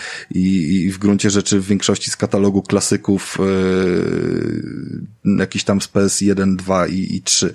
I to jest ogromna ilość, jakby można się o to wkurwić, ale no kurwa, nie pierwszego dnia usługi, ludzie, no przecież jakby wiemy, że Game Pass startował ze stoma grami, tak. nie miał chmury, nie miał pecetów i wszystkiego. Znaczy, słuchajcie, jakby... to jest normalne, że jakby są te choroby wieku dziecięcego w każdej usłudze i ja jakby do samej usługi y, nic nie mam. Ona jest dla mnie jakby sama oferta, sama w sobie, jako dla kogoś, kto nie zdążył nawet nadrobić jeszcze, ja tak jak ja nadrabiałem te swoje zaległości, to nie ukrywam, że dla mnie ten PS Plus będzie zajebistą okazją, żeby pewne rzeczy ponadrabiać, niektóre w lepszych właśnie wersjach już na PS5 więc to jest jakby spoko. Ja jedyny problem, który miałem do tej usługi, to jest tak jak już wspominałem wcześniej, do tych progów jakby, nie? Że trochę dziwne decyzje według mnie są, jeśli chodzi o umieszczenie niektórych konkretnych usług w niektórych konkretnych progach, jak na przykład właśnie y, te klasyki z PSX-a, tak? W najwyższym abonamencie. Co jest dla mnie trochę trochę dziwną. Dobrze, to teraz właśnie to ja przejdę do drugiej rzeczy, którą chciałbym tutaj sprostować, bo jestem przekonany, że yy, nie było to przedstawione jasno wcześniej. Ja się zaskoczyłem jakby dopiero przeglądając te katalogi tym, jak to jest skonstruowane. Yy, tutaj faktycznie dochodzimy do czegoś takiego, że mm, nie można jasno powiedzieć, że a, nie interesują mnie gry z PS1, 2 i 3, więc nie biorę pakietu premium, tylko ekstra. Ten za 400 zł, a nie 480. Yy, dlaczego tutaj zostało to, znaczy dlaczego? No, dlatego, żeby zachęcać bardziej na premium oczywiście, tak, ale to nie jest yy, definicja tego katalogu klasyków, bo wszystkie gry, które tam się znajdują, to oczywiście jest PS1, PS2 i PS3, ale również jest od chuja tytułów, które są natywnie dostępne na PS4 w remasterach, i przykładowo są to właśnie edycje jakichś yy, rezydenty akurat u nas nie wyszły w Europie, ale załóżmy trylogia Bioshocka, załóżmy remaster The Last of Us, czy ten dodatek yy, Left Behind. Te wszystkie gry są właśnie w tym katalogu dostępne. Masz de facto podzielone jakby te wszystkie, mm, całą usługę masz podzieloną na trzy katalogi. Pomijam dema, dema są czwartym katalogiem, nie? Ale to, to nie jest jakby pełny produkt, więc to, to sobie zostawmy z boku. Yy, masz ten katalog główny, w którym jest te, załóżmy 400 gier, mm, głównie PS4, trochę PS5. Yy, masz drugi katalog klasyków, w którym PS1, PS2, PS3 w chmurze i właśnie gry, które wyszły domyślnie crossgenowo, załóżmy na PS3, ale w wersji na PS4 są dawane. I tym jest katalog yy, klasyków tak, tam jest również wypchany. Dużo takich niuansów, które mogą być albo spoko, albo nie spoko dla kogoś. Więc, yy, więc, więc dlatego mówię, ja bardzo dużo pobrałem z tego katalogu klasyków gier, które wcale nie są na PS2 i, i, i PS1, dlatego że tych pobrałem łącznie chyba 10 czy 15. Ja mam problem, ja mam problem głównie z tym, że jakby ta usługa jest dla mnie koszmarnie nieczytelna. Widzisz, jakby, jakby jak się trzeba niesamowicie Zgadzam się, właśnie dlatego o tym mówię. Dlatego właśnie o tym jak mówię, się musimy bo... zagłębić w to, żeby w ogóle wyjaśnić, jak ta ogóle... usługa de facto działa, nie? nie, nie wiem, w porównaniu do Game Passa, który masz, y, do Game Passa, który jest po prostu czysty i klarowny, tak? Albo płacisz za samego Golda i masz y, rozgrywki multiplayer plus tam te trzy gierki miesięcznie, albo płacisz za Game Passa, albo Game Passa z Goldem. I proste. Nie ma nic więcej. Płacisz za Game Passa Ultimate, to masz chmurę, masz gry i masz rozgrywki multiplayer, tak?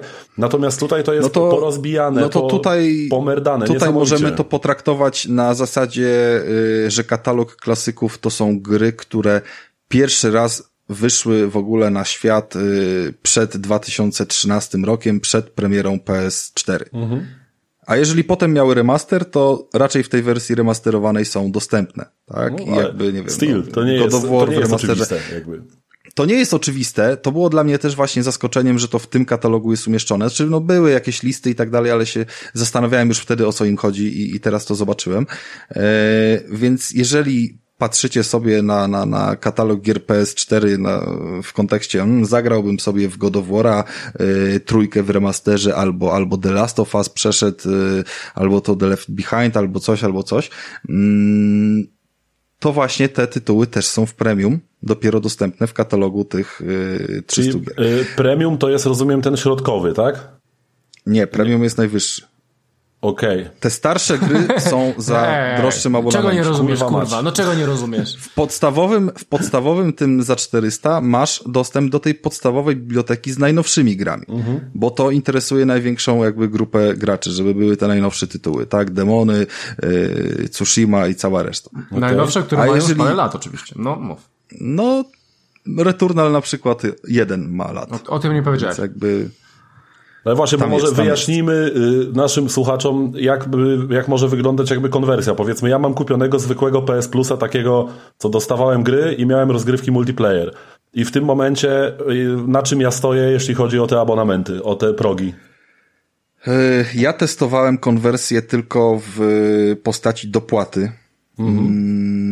Dopłata polegała na tym, że dokładnie tyle musiałem dopłacić złotówek, ile mi zostało dni do końca roku yy, i po prostu razy dwa, no bo miałem mhm. plusa wykupionego na rok za 240, premium kosztuje 480, więc okay. jeżeli miałem go aktywowanego tydzień temu i, i to znaczy, że on był warty na dziś dzień, nie wiem, 232 zł, to tyle musiałem dopłacić, mhm. nie? Yy, I mam na ten rok po prostu upgrade. A gdybym do, chciał na przykład zupgrade'ować yy, tego plusa, którego mam, czyli w moim wypadku ten, którego mam teraz, to jest tak jakby Essentials, tak? Tak, tak, to jest ten essential. I, i, I musiałbym po prostu dopłacić różnicę do tego ekstra, w którym nie mam tych klasyków z PSX-a, ale tak, mam to by była różnica załóżmy 160 zł gier, za tak? rok. Tak, Okej. Okay. tak dokładnie. No i dobra. I ponoć jest druga opcja. Ja tej opcji nie testowałem, ale czytałem, że, że właśnie jest dostępna, że też ktoś tam tak robił. Tylko no jakby nie, nie wnikam, czy to ma zależność od tego, czy się kodem kupowało kartą, nieważne. W każdym razie yy, ponoć jest opcja konwersji czasowej, czyli że jeżeli masz wykupionego plusa yy, teraz nazywanego Essential na rok, to możesz go na pół roku premium przekonwertować. Mhm, okej. Okay. No I, i po prostu nie decydować się na dopłatę, tylko bez dopłaty sobie skrócić po prostu czas. Podobnie jak jest w Game Passie, tylko mhm. tam pełne miesiące ci jakoś przelicza, są jakieś przeliczniki, a tutaj po prostu leci co do dnia, co do złotówki, jakby w kontekście tych 240, 400, 480. Mhm, jasne. Zeta, więc tyle to kosztuje. Yy, no i trzecia rzecz, która właśnie była moim mm, dużym zaskoczeniem. Nie, żebym powiedzmy miał jakieś ogromne plany związane z y, tą usługą, bo, bo, bo ogólnie chmury zwolnikiem jakimś tam specjalnym nie jestem, ale być może znajdę do tego jakieś zastosowanie. Yy, to jest właśnie trzeci katalog gry strumieniowe. Bo o ile gry wszystkie z y, katalogu PS3 musimy odpalić w streamingu, mhm. to zaskoczeniem dla mnie, chociaż nie wiem dlaczego, może dlatego, że usługi PS Now po prostu nie, nie, nie znałem wcześniej, ale jest to, że wszystkie jakby, znaczy może nie wszystkie gry, ale bardzo dużą ich pulę, kilkaset, tych świeżych, nowych, wliczając tutaj, nie wiem, też będziemy Death Stranding czy God of War'a, też normalnie możemy strumieniować. Nie masz ochoty pobierać, chcesz załóżmy coś sprawdzić, coś zobaczyć, coś pokazać, nie wiem, whatever, to sobie to po prostu odpalasz i, i to działa i zaczytuje co prawda nie w trybie automatycznym yy, synchronizacji danych, tylko wyskakuje komunikat, czy chcesz odpalać od nowa, czy zaczytać swojego save'a tam załóżmy z chmury i go, go wczytać na tą wirtualną konsolę, ale normalnie działa, normalnie go do wora sobie odpaliłem wczoraj dokładnie tam, gdzie miałem zapis jakby, wiesz, okay. yy, z dysku i z chmury, więc yy, ja zapomniałem o, a to u Sony nie funkcji. takie oczywiste, że masz save'y. Yy, nie, ja to powiem głośno, dlatego że wiem, że mamy słuchaczy, którzy wciąż jeszcze PS5 nie kupili albo gdzieś tam się zastanawiają nad tym i tak dalej. To jest jedna z rzeczy jakby w kontekście tych zapisów, które uważam za, yy, za chujowe i dzisiaj o tym pisaliśmy i, i sobie o tym powiem.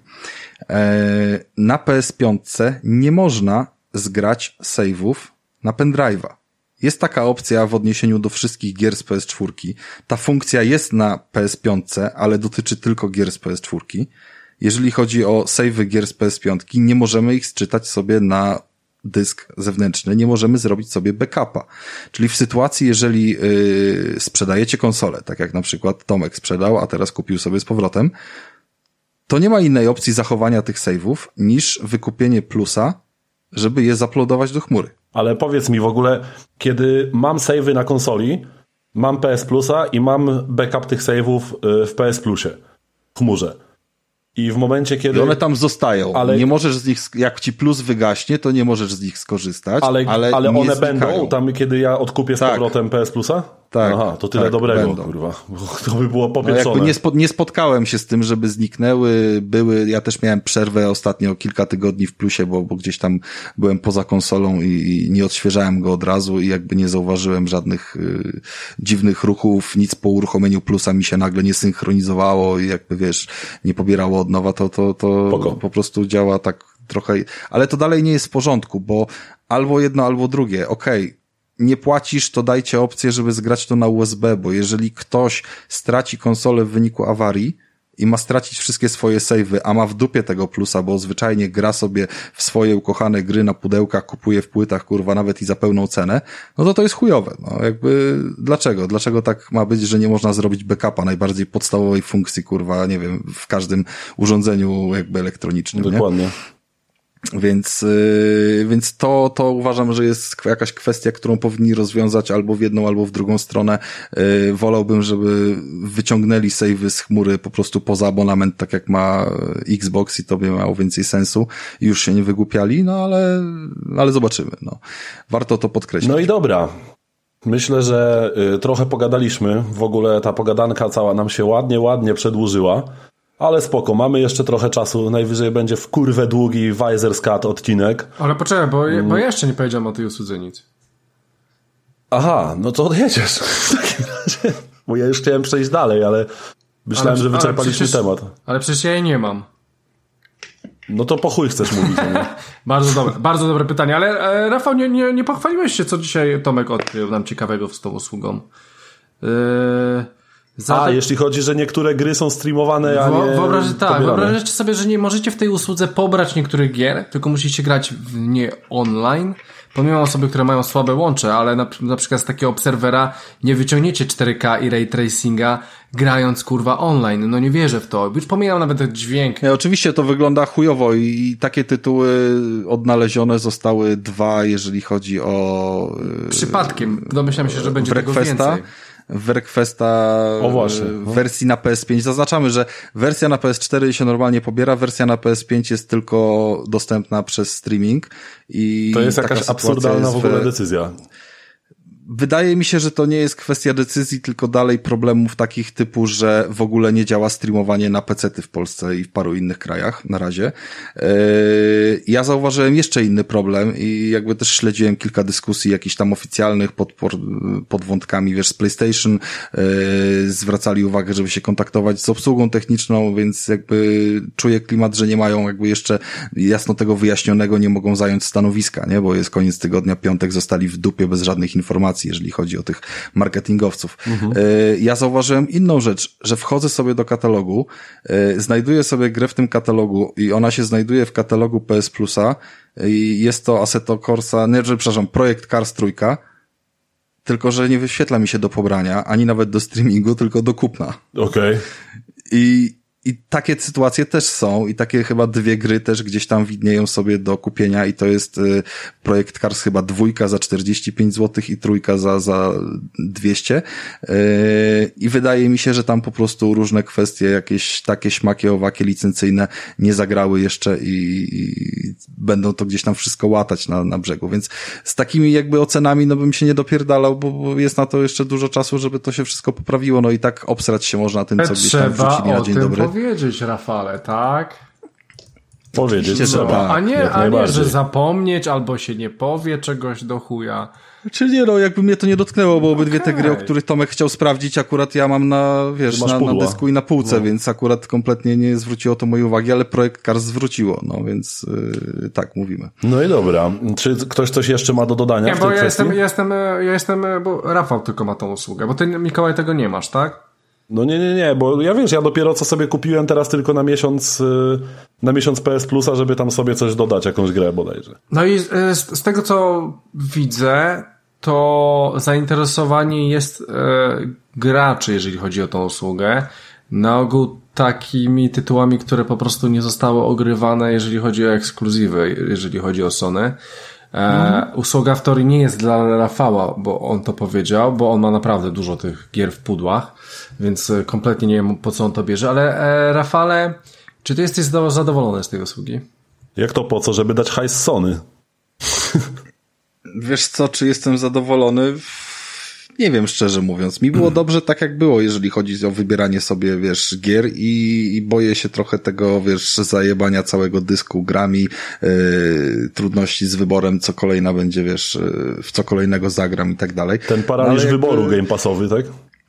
Tak, dokładnie, no jakby trzymam tego Game Passa i tak go jakby nie, nie, nie ciągnie mnie już do niego, żeby latać po tym, wiesz, skakać, sprawdzać wszystko i tak dalej. Nie, nie jestem tego typu yy, z charakteru po prostu człowiekiem, więc obstawiam, że on po prostu tutaj też będzie, że czasem się pojawi właśnie coś ciekawego typu Stray oraz, że pozwoli mi kilka tytułów y, ograć, których nie kupiłem sobie, bo po prostu gdzieś mnie to ominęło, chociażby tego Killzona i Knaka, bo mi zwyczajnie było trochę wstyd kupować gry, wiesz, y, z samego początku ery PlayStation 4, a jednocześnie bardzo mi się spodobało gdzieś tam po ich y, jakimś tam odpaleniu krótkim to, jak wyglądają, jaki tam jest, jaka tam jest rozgrywka.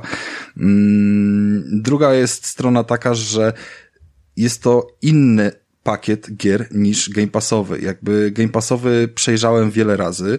Dotarło do niego dużo nowych gier, ale w miarę jestem na bieżąco z tym, co w niego dociera i, i dokładają i powiedzmy jak coś to sobie sprawdzę, a ale wiemy, wiemy jak jest, tak? Albo wy o tym opowiecie. Natomiast tutaj to doładowanie dało mi taki, y, jak sobie chodziłem do sklepów z grami, to nie mam na myśli Mediamarktu, tylko takich, wiecie, z używanymi, uh -huh. całe półki są zastawione różnymi, często właśnie niewydawanymi w Polsce, gdzieś tam ściąganymi z UK'a. Y, to widziałem bardzo dużo ciekawych, ale jakby gier, których się bałem kupować, nie? Niezależnie tam od ich ceny wtedy, bo, bo to raczej nie były duże pieniądze. Yy, I one się tutaj pojawiły. Na przykład sobie odpaliłem yy, Avicii, która jest grą muzyczną wydaną jakby na, na uhonorowanie zmarłego, wiecie, yy, DJ-a. DJ-a, nie? No.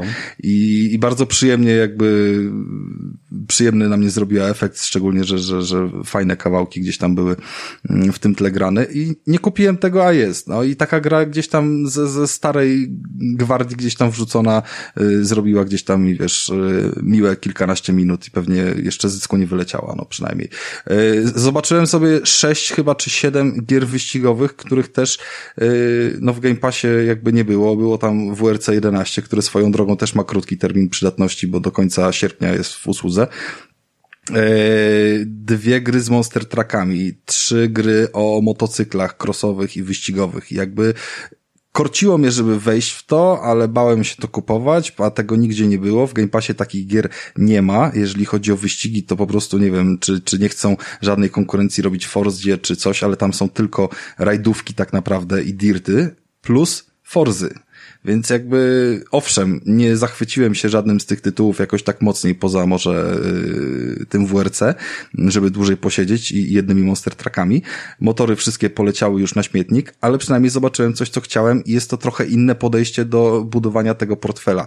I to jest mój wniosek, że cieszę się, że te usługi ogólnie rzecz biorąc, nie tylko dla mnie, ale dla wszystkich, będą się mieszały i miksowały, że będziesz miał w jednym miejscu więcej yy, tytułów online'owych, bo taki jest Game Pass, Y, w drugim będziesz miał więcej yy, Spoko, no. jakiś, wiesz, Wiemy, no, robionych to, jakby, nie, to nie są gracza. bliźniacze usługi i nigdy nie miały być, jakby to nie jest bezpośrednio znaczy one, nie, one są bliźniacze, one są bliźniacze, nie oszukujmy się, że to jest jakby jedno z drugim jakaś tam kalka, że PS Now wyszło pierwsze, potem ktoś pomyślił, to zróbmy to jeszcze inaczej, potem ktoś powiedział, to my dorzućmy jeszcze swoje trzy grosze, to cały czas jest konkurencyjna jakaś tam odpowiedź, ale jakby nawet bliźniaki nigdy nie są identyczne z charakteru i to właśnie w ten sposób należy traktować, że można sobie będzie posiedzieć w jednym abonamencie przez parę miesięcy, potem w drugim i dzięki temu poznać więcej gier, takich, które nas interesują, a nie być przyklepanym, przywiązanym, wiesz, na, na zawsze, bo jest tylko i wyłącznie jeden, mhm. jedyny słuszny Game Pass, nie? Jakby nikomu oczywiście nikt nie zabroni posiadania dwóch abonamentów i, i albo związania się tylko z jednym. Tak jest. Ale no, zawsze kluczowa jest kwestia posiadania wyboru i ten wybór w tym momencie jest i to jest chyba taki kluczowy Tak, no i spoko, jakby dlatego właśnie spoko, że to nie jest, nie jest bliźniacza usługa i myślę, że na tym możemy ten temat Poczekaj, jeszcze nie, jeszcze nie, jeszcze, jeszcze tylko, zamyk... Ja mam jeszcze jedno pytanie, jeszcze próbuję, jedno pytanie kurwa, mam, panowie. bo wiesz, bo znasz Rafała monolog, zadajesz mu pytanie na 5 sekund, on ci mówi 2 godziny. E, Rafał, ja mam jeszcze pytanie, bo usługa jest od wczoraj, tak? Powiedz mi, Ile gier ściągnąłeś już na, już na tej usłudze?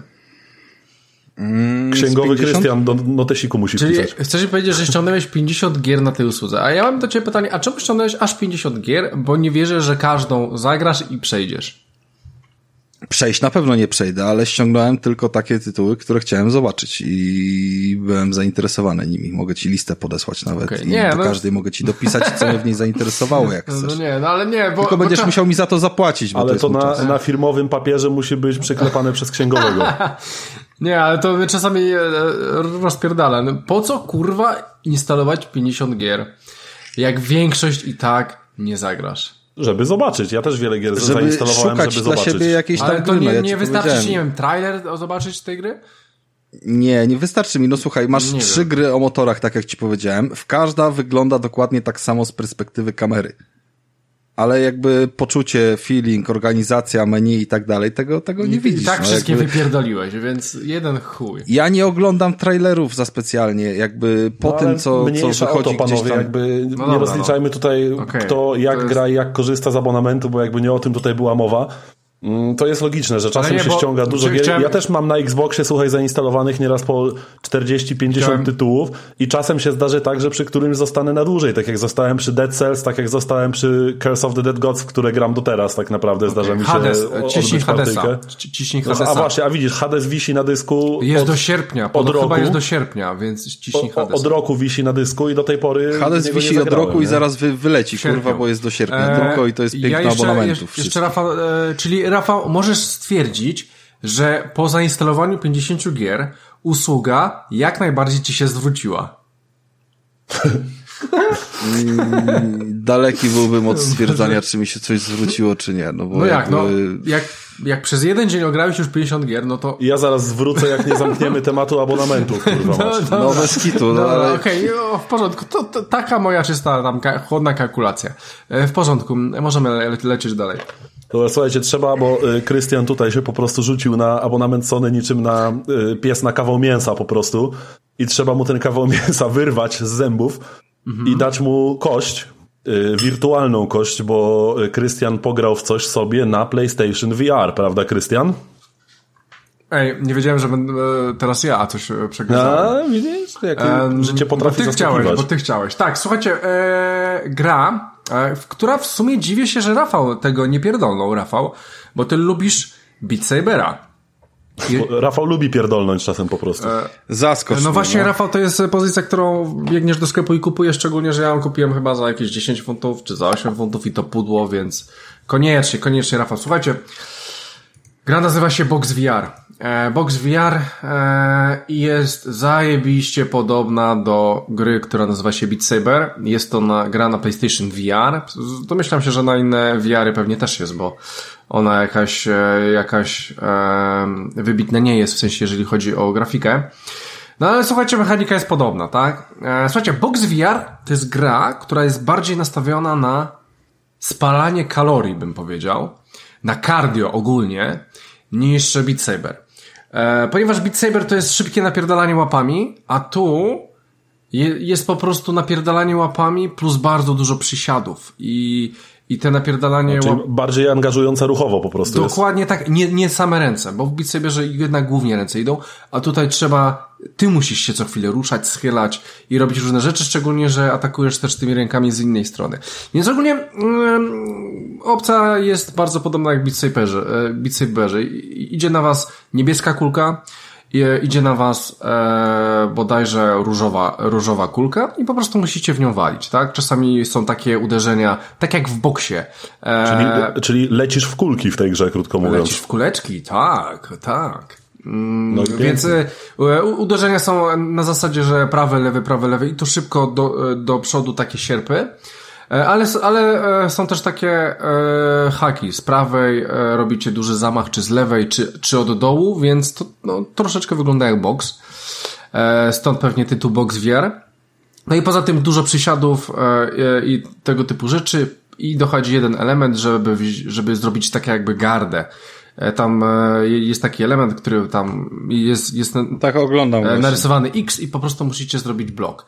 I słuchajcie, i cała zabawa polega na tym. Z tym, że e, cały czas są liczone wam kalorie, więc e, na przykład co, co jest ciekawe, ja zrobiłem 100 kalorii przez 15 minut, spaliłem, a na przykład... Czyli spaliłeś, spaliłeś wszystkie kalorie swoje. Tak, ale co ciekawe, moja żona przy tym samym czasie, przy, przy, przy tej samej, tak, jak, tak jakby roz, rozgrywce, 15 minut, spaliła ich dwa razy więcej. Eee, no, jakoś to jest. Poza tym, jak będziemy grali, to zmieniamy tak jakby stand nasz. E, czyli na przykład lewa noga do przodu, prawa, prawa do tyłu i tu stoimy tak, tak bardziej e, A, to się nazywa stance ogólnie. Stance, chciałem powiedzieć stance, właśnie. E, więc e, e, czasami e, jesteśmy lewą nogą zwróceni do przodu, a czasami gra każe nam po prostu prawą nogę e, zwrócić do przodu. Krystian, czy tam jest jakaś dobra muzyka? Właśnie muzyka jest zajebista. Właśnie muzyka jest dobra. Powiem, powiem, ci, powiem ci tak, Rafał. Najpierw jak odpaliłem Beat Sabera, to stwierdziłem, że ta muzyka jest za mocna. Jest za mocna techniawa, jest za mocna popierdolona muzyka. Dopiero po jakimś czasie ogarnąłem, że jednak ta muzyka idealnie pasuje do tej gry i jest spoko, aczkolwiek niektóre kawałki bardzo mnie wkurwiają. Szczególnie takie, takie mocno transowe rzeczy w Beat Saberze. E, a tutaj jest tej muzyki od chuja, od chuja. Tylko, że... Ale to są licencjonowane utwory, czy to są na potrzeby Nie, gry? podejrzewam, Nie. że jak jest od chuja, to jest nielicencjonowane. Nielicencjonowane, ale są to bardzo fajne utwory, bo mamy na przykład taki gruby, mocny rap, taki mocny rap prosto ze Stanów i są takie mocne bity i wy napierdalacie z tymi bitami, jest super. E, Więc ta muzyka jest spoko. Jest dużo kawałków rockowych i mocno rockowych. Oczywiście zespołów kompletnie no-name'ów, ale super, super, super wjeżdżają. Słuchajcie, jeżeli ja mam listę rock, w której mam na jednej stronie 10 utworów, a mam 5 stron. I to tylko zakładki rock. Poko. Tam, tylko że... Duża biblioteka w takiej grze to jest na pewno zaleta, tylko- bo masz większą różnorodność Tak, tylko że, tylko że to są pewne też motywy albo utwory. Czasami ten motyw może trwać dwie minuty, tak? Czy trzy minuty. Ale chodzi o to, żeby po prostu przez ten motyw coś robić. I rzeczywiście, gra jest nastawiona na wasze cardio, na fitness, ogólnie, żebyście spalali kalorie, więc ona ma swego rodzaju programy. Więc e, cała zabawa polega na tym, że po prostu wybieracie jakiś tam program w zależności od poziomu trudności. Mamy programy, które po prostu mają Eee, trwają, nie wiem, 7 minut, 10 minut. Mamy programy, które trwają 15, 20, pół godziny i chyba godziny są najwyższe. Ja w ogóle e, nie, nie doszłem do takich rzeczy, bo po prostu nie chciałem się tyle machać, ale Nie doszedłem, chamie z UK. Eee, sorry, sorry mate. Eee, więc po prostu coś takiego jest. Jest tego naprawdę dużo. Eee, no i co? Po, powiem wam, że gra się super. To oczywiście na początku wybieramy sobie eee, ile ważymy, wzrost i tak dalej. Ile mamy w barach, jakieś takie głupoty. Eee, no, i, no i później sobie wybieramy program i sobie jedziemy. I, słuchajcie, no sp- sprawiało mi to ogromną satysfakcję. Gra jest naprawdę super tania, gra jest naprawdę super miodna. I naprawdę można się napocić dużo bardziej niż w Beat Saberze, to na 100%. To na 100% e, wam powiem, e, jak się bawimy, to... To ja, ja, ja nie mogę, nie mogę ci tego zostawić jakby bez komentarza No. i odpuścić. Jakby w Beat Sabera mm, praktycznie od kiedy, od kiedy te gogle wiarowe pierwsze weszły i to Beat Saber jest kolejną grą, którą trzy razy mam kupioną. Brawo, Rafał, no. Eee, Może chcesz mi kupić i będziesz miał cztery. No. Może być, nie ma problemu. Jak Godowora dostanę, to się dogadamy. O, super. No mów. Eee, I w Beat Saberze jest e, oczywiście, to wiadomo, kwestia różnych mu muzyki, dogrywania na PC własnej muzyki, co jest szczególnie zajebiste, tylko nielegalne, e, jakichś tam opcji. A to nie, to, to nie Eee, rozmawiamy, Rafał, o takich rzeczach. Nie, to, No nie to, rozmawiamy, to no ale są, bo- są też, aż aż są też różnego rodzaju czuję. tam, wiesz, szczeg szczególne ścieżki gdzieś tam do, wiesz, no jakby cały Beat Saber już należy zresztą do Oculusa, nie? Został Czyli wykupiony. ty mówisz o wersji na PC, przez Metę. na Oculusa. Nie, ja mówię o każdej wersji Beat Sabera. no. Chodzi mi o to, No. że w Beat Saberze można robić super wyniki i super punkty, yy, tak naprawdę bardzo się nie pocąc, dlatego że wystarczą ruchy nadgarstków, żeby sterować tymi mieczami. Aha. I bardzo aha. dużo osób w ten sposób w to gra, nie męcząc się za specjalnie A i to- dlatego ty mówisz mi teraz o o kwestii cardio i tak dalej. Bo tam się liczy jakby, wiesz, y, ruch obrotowy tego miecza i No tak, no tak, można tak, robić, tak, znaczy tak. Wie- Wiem nie chodzi, trzeba, wiem, nie chodzi. trzeba przy tym jakoś niesamowicie tam się, wiesz, poruszać. Ale ja na przykład przy Beat Saberze padam na ryj po trzech piosenkach i jestem tak nakręcony, że jeszcze chcę czwartą, pomimo, że już to- dyszę, bo jest kwestia właśnie tego uzależnienia się od muzyki, Tak, tak, tak. mm, żeby po prostu jeszcze większy tam, wiesz, rozpierdol gdzieś tam posiać. I nigdy mi się nie zdarzyło tak, żeby grać w Beat Sabera spokojnie, bo ja zawsze robię zamaszyste ruchy rękami, wchodzę tam jakby, wiesz, w kwestie prawie że półobrotów i tak dalej i można grać w ten sposób. Jest to nawet trudniejsze, można powiedzieć, żeby całym ciałem pracować, a nie tylko nadgarstkami czy, czy wiesz, łokciami. To jest jedna, jedna no rzecz. dobra, Czyli to jest jakby no, gry skierowane Teraz powiem trochę ci o do, dwóch grach szybko. do innych odbiorców, może albo nie, nie tyle odbiorców, co To- na różne zas- zastosowania jakby, nie? Yy, tak, i ja od razu jakby Krystiana, który, ja sobie Box VR na pewno sprawdzę, już go, już się pobiera, że tak powiem, e, na Oculusie, bo tam wszystkie obecnie gry, znaczy no to jest idealna konsola do, do właśnie takich gier, wiesz, ruchowych, żeby to gdzieś zabrać pod pachę i one nie są wymagające graficznie. Czyli, czyli ty, ty ją kupiłeś, czy demo? Nie, zaraz sobie kupię. No, A i- ile kosztuje tak z ciekawości? pobiera. Nie wiem, bo nie na moim telefonie jest. Wysłałem zlecenie, żeby narzeczona zrobiła zakup. No jakby, Aha, nie wiem. no bo ile ja jestem ciekaw, Pewnie jaka jest cena. No, no. Pewnie z 10 albo 15 dolców, bo tam wszystko tyle No, kosztuje. no, dobra, no. Natomiast mam dwie gry, również muzyczno-ruchowe i obydwie są z kolei związane ze strzelaniem z pistoletów, co jest bardzo przyjemną y, czynnością. Mogłoby się wydawać, że mniej wymagającą ruchu, dlatego że, że mniej tymi rękami machamy strzelając niż machając mieczami, ale tak nie do końca, bo po pierwsze, Audika Audica jest y, również z bardzo bogatą taką Beat Saberową, y, w dużej mierze licencjonowaną zresztą y, bazą muzyczną. Przepraszam, ty już mm. wchodzisz na jakieś inne recenzje po mojej grze? Tak, dokładnie, wchodzę na inne recenzje, bo jak ruszyłeś ten temat i... Jeszcze nie skończyłem, wiesz o tym. Skończyłeś. No, ale ja uważam, Mikołaj że Krystian powinien jeszcze dokończyć i Rafał może na koniec jeszcze wtrącisz o, o tych nowych grach, ale ja chciałem posłuchać jeszcze o tym. Ale ja chcę VR. właśnie no bo myślałem, że co tam jeszcze jest do powiedzenia Widzisz? o tym box VR. No jak to co jest Jakby... do, No, no Rafał, ja się dopiero rozgrzewałem. No właśnie. No to zaskocz okay, mnie czymś, więc, kurwa, bo ja... Słuchajcie, e, no dobra, no... Zajebista fabuła. Okej, okay, nie. Fabuły żadnej nie ma. Wybieracie trenera waszego personalnego i robicie to, co jest ustalone. Słuchajcie, e, znalazłem, że tu jest ponad 100 piosenek ogólnie w tym box VR, więc dużo. E, można grać online e, w tej grze, aczkolwiek tego nie próbowałem, no bo Mikołaj nie ma, a Rafał nie ma gry. W ogóle ty Rafał VR też nie masz, tak? No to już w ogóle. Mam VR. PlayStation VR nie masz już. Nie, on, Mam on miał dwa miałem, przecież. Aha, miałem, miałem dwa i okay, no tak, jeden no się tak, sprzedał. Okay. Aha, Sprzedałem sorry. ten, który pożyczałem Mikołajowi. A, bo ty masz dwa Xboxy teraz, sorry, myślałem, że co innego. Dobra, nieważne. E, dobra, e, słuchajcie, jest jeszcze fajna opcja, że e, codziennie jest tak jakby daily personal training czy program, e, więc codziennie gra wprowadza jakiś nowy fajny trening, który możecie sobie ogrywać, więc e, cały czas coś się dzieje po prostu w tej grze. To, to nie jest tak, że rzucone i wyjebane na to mają. E, ogólnie tylko minus jest to, że to dzieje się na takich jakby mapach, na przykład tak jakby duża sala gimnastyczna, czy, czy jakaś przestrzeń kosmiczna i są tylko trzy takie mapy.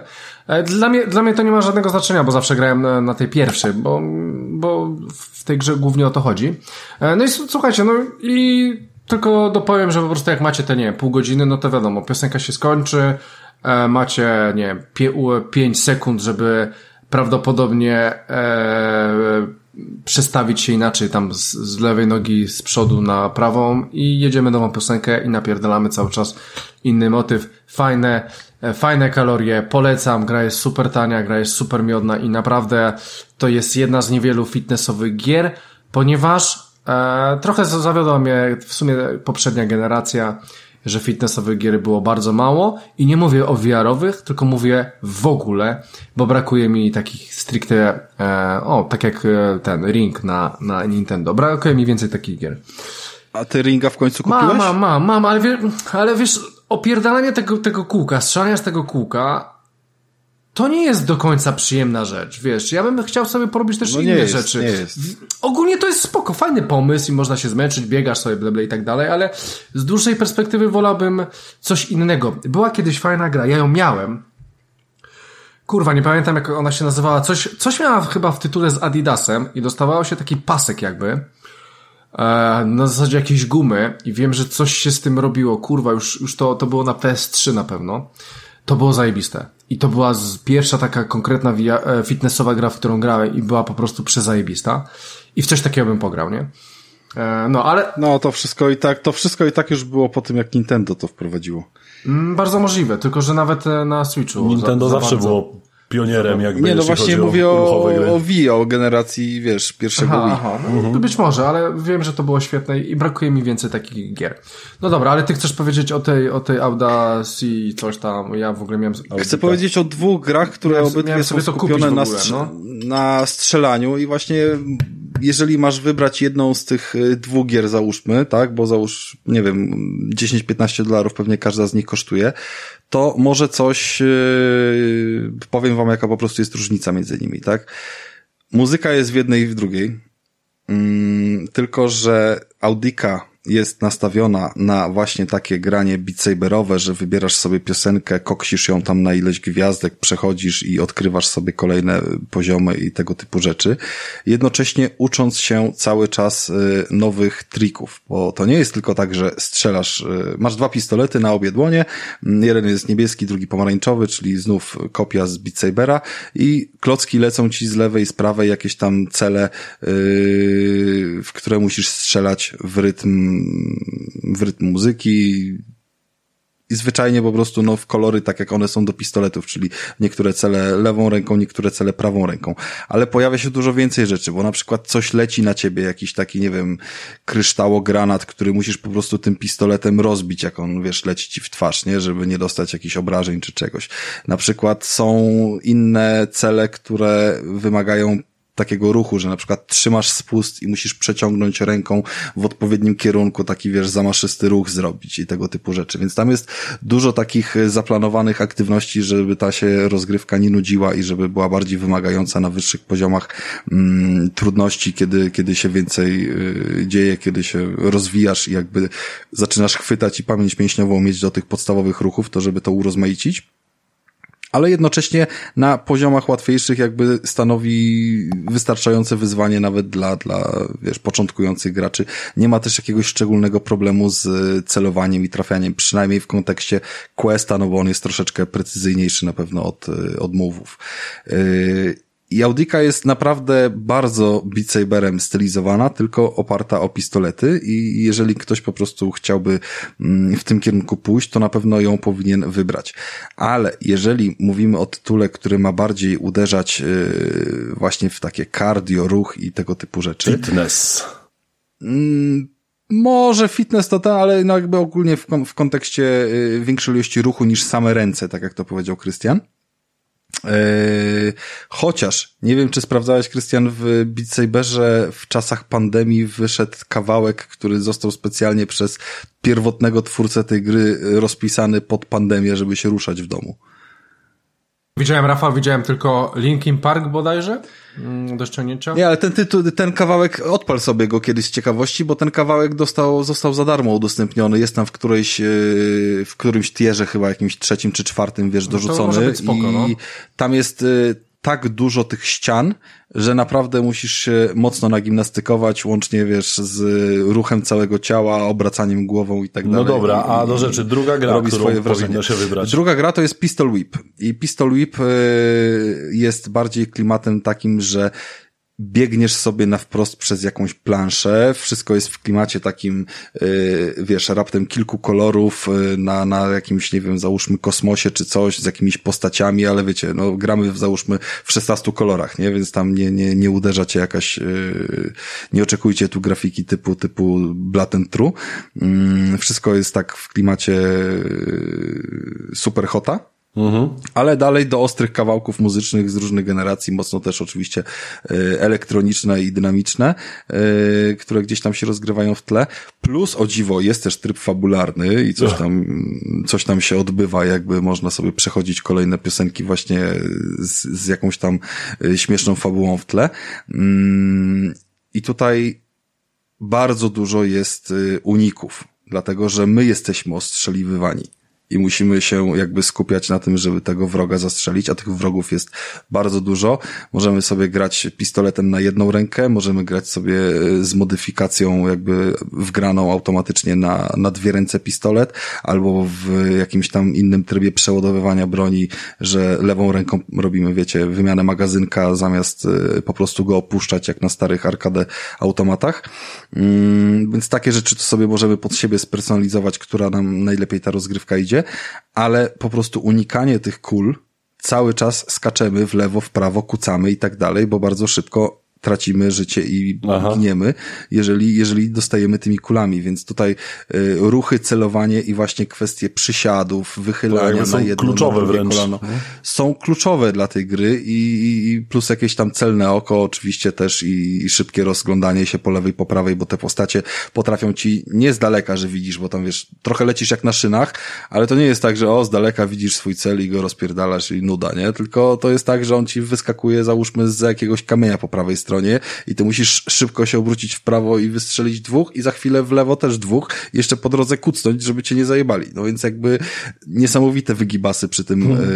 y, trzeba robić i pod kątem gry, która daje radość z tego, że cię zmusza do ruszania, wydaje mi się, że jest o kilka poziomów wyżej niż ten box, o którym mówisz no to i to ciekawe. jest zdecydowanie warte sprawdzenia. Ja, ja spoko. Pistol Whip. Brzmi fajnie. Nie wiem tylko, ja nie sprawdzałem Pistol Whipa na Playce. A jest? W ogóle. Nawet, nawet mogę to zrobić teraz. No słuchaj, wydaje mi się, że jeżeli ktoś wydaje grę VR-ową, no która robi koksy i miliony, to, to powinno. To sprawdź najpierw, czy jest, bo aż bym się tym zainteresował.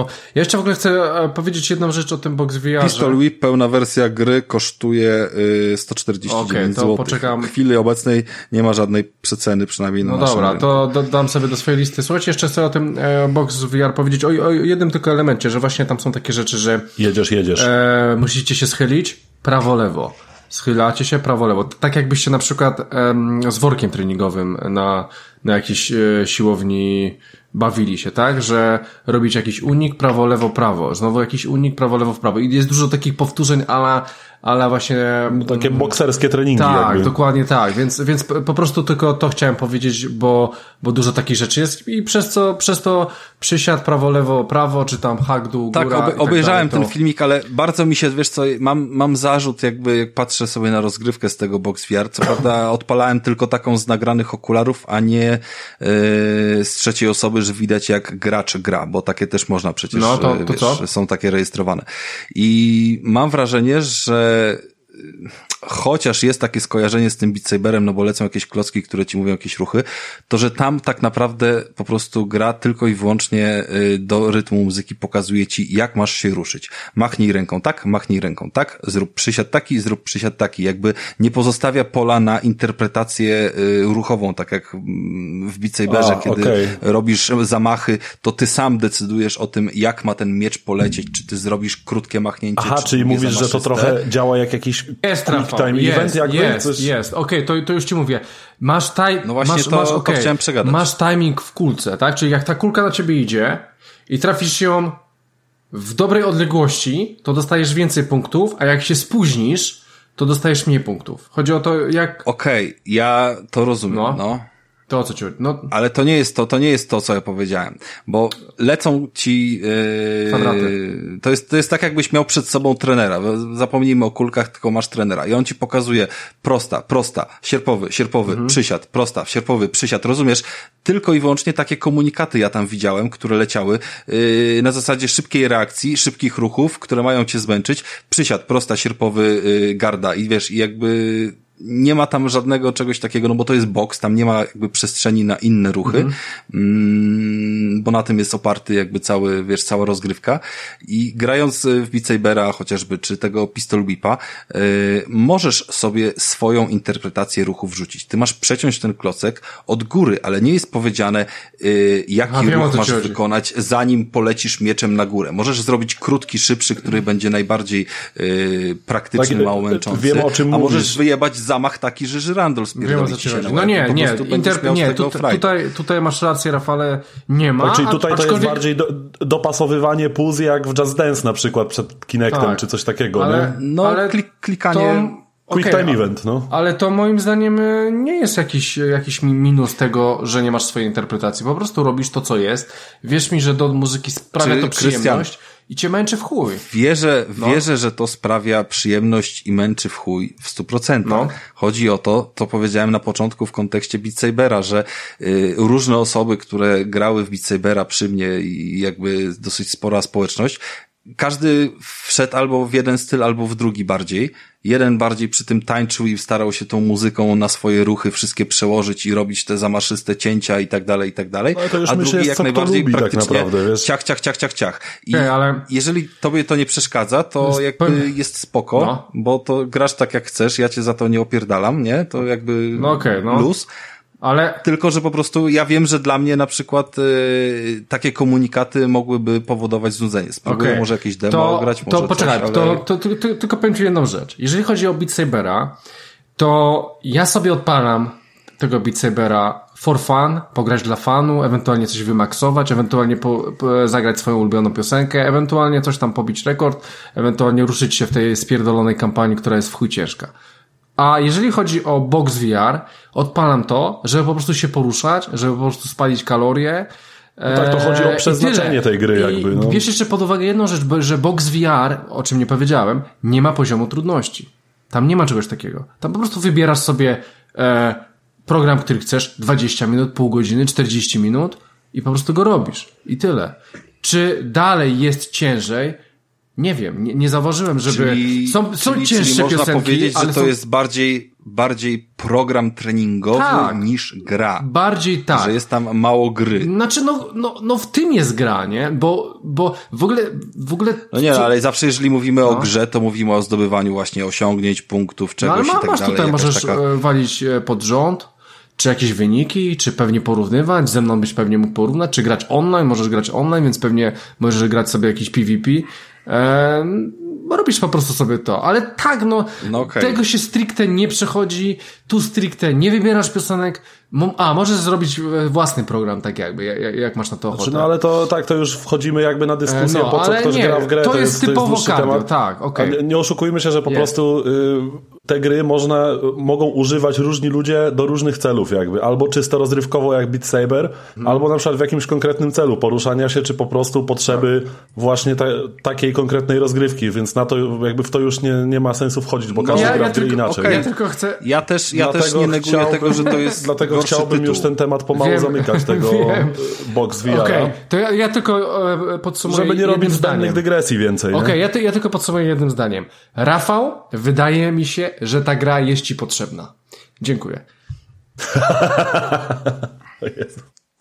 Co za menda. Ojej, taki strzał na koniec recenzji. Takie zakończenia ja się, ja lubimy. Się, ja się nie wstydzę swojego brzuszka. My kochamy twój brzuszek. Pierdziocha ci na nim zrobię, jak się spotkamy. Proszę cię. Okej, dobra, więc e, jedziemy chyba do tematu głównego, nie? Tak jest. Generalnie mm, w nasz VR, dzisiejszy VR-owy kącik zamykamy. Mm, bo mamy Ale dużo pozostajemy większą... przy PlayStation. Pozostajemy przy PlayStation. W ogóle dzisiaj bardzo niebieski ten odcinek nam się zrobił. I mamy dużo większą grę, która jakimś cudem jeszcze nie została omówiona od premiery e, naszych obecnie generacyjnych konsol. E, Mianowicie od, od jakiegoś czasu ogrywam Demon's Souls remake na PlayStation 5. No i, i jestem wsiąknięty w tę grę. W ogóle wygląda na to, że chyba będę tutaj bezimiennym ekspertem od gier plującym, plujących graczom w ryje. Mm, Jakby zrobiłem sobie przerwę od Elden Ringa, którą tę przerwę spowodowało kupno nowych konsol, ym, tego Switcha i Playki, więc jakby w ramach odpoczynku od Eldena, jako pierwszą grę na moje świeżutkie PS5 wybrałem remake Demon's Souls, popełniony przez Bluepoint Games.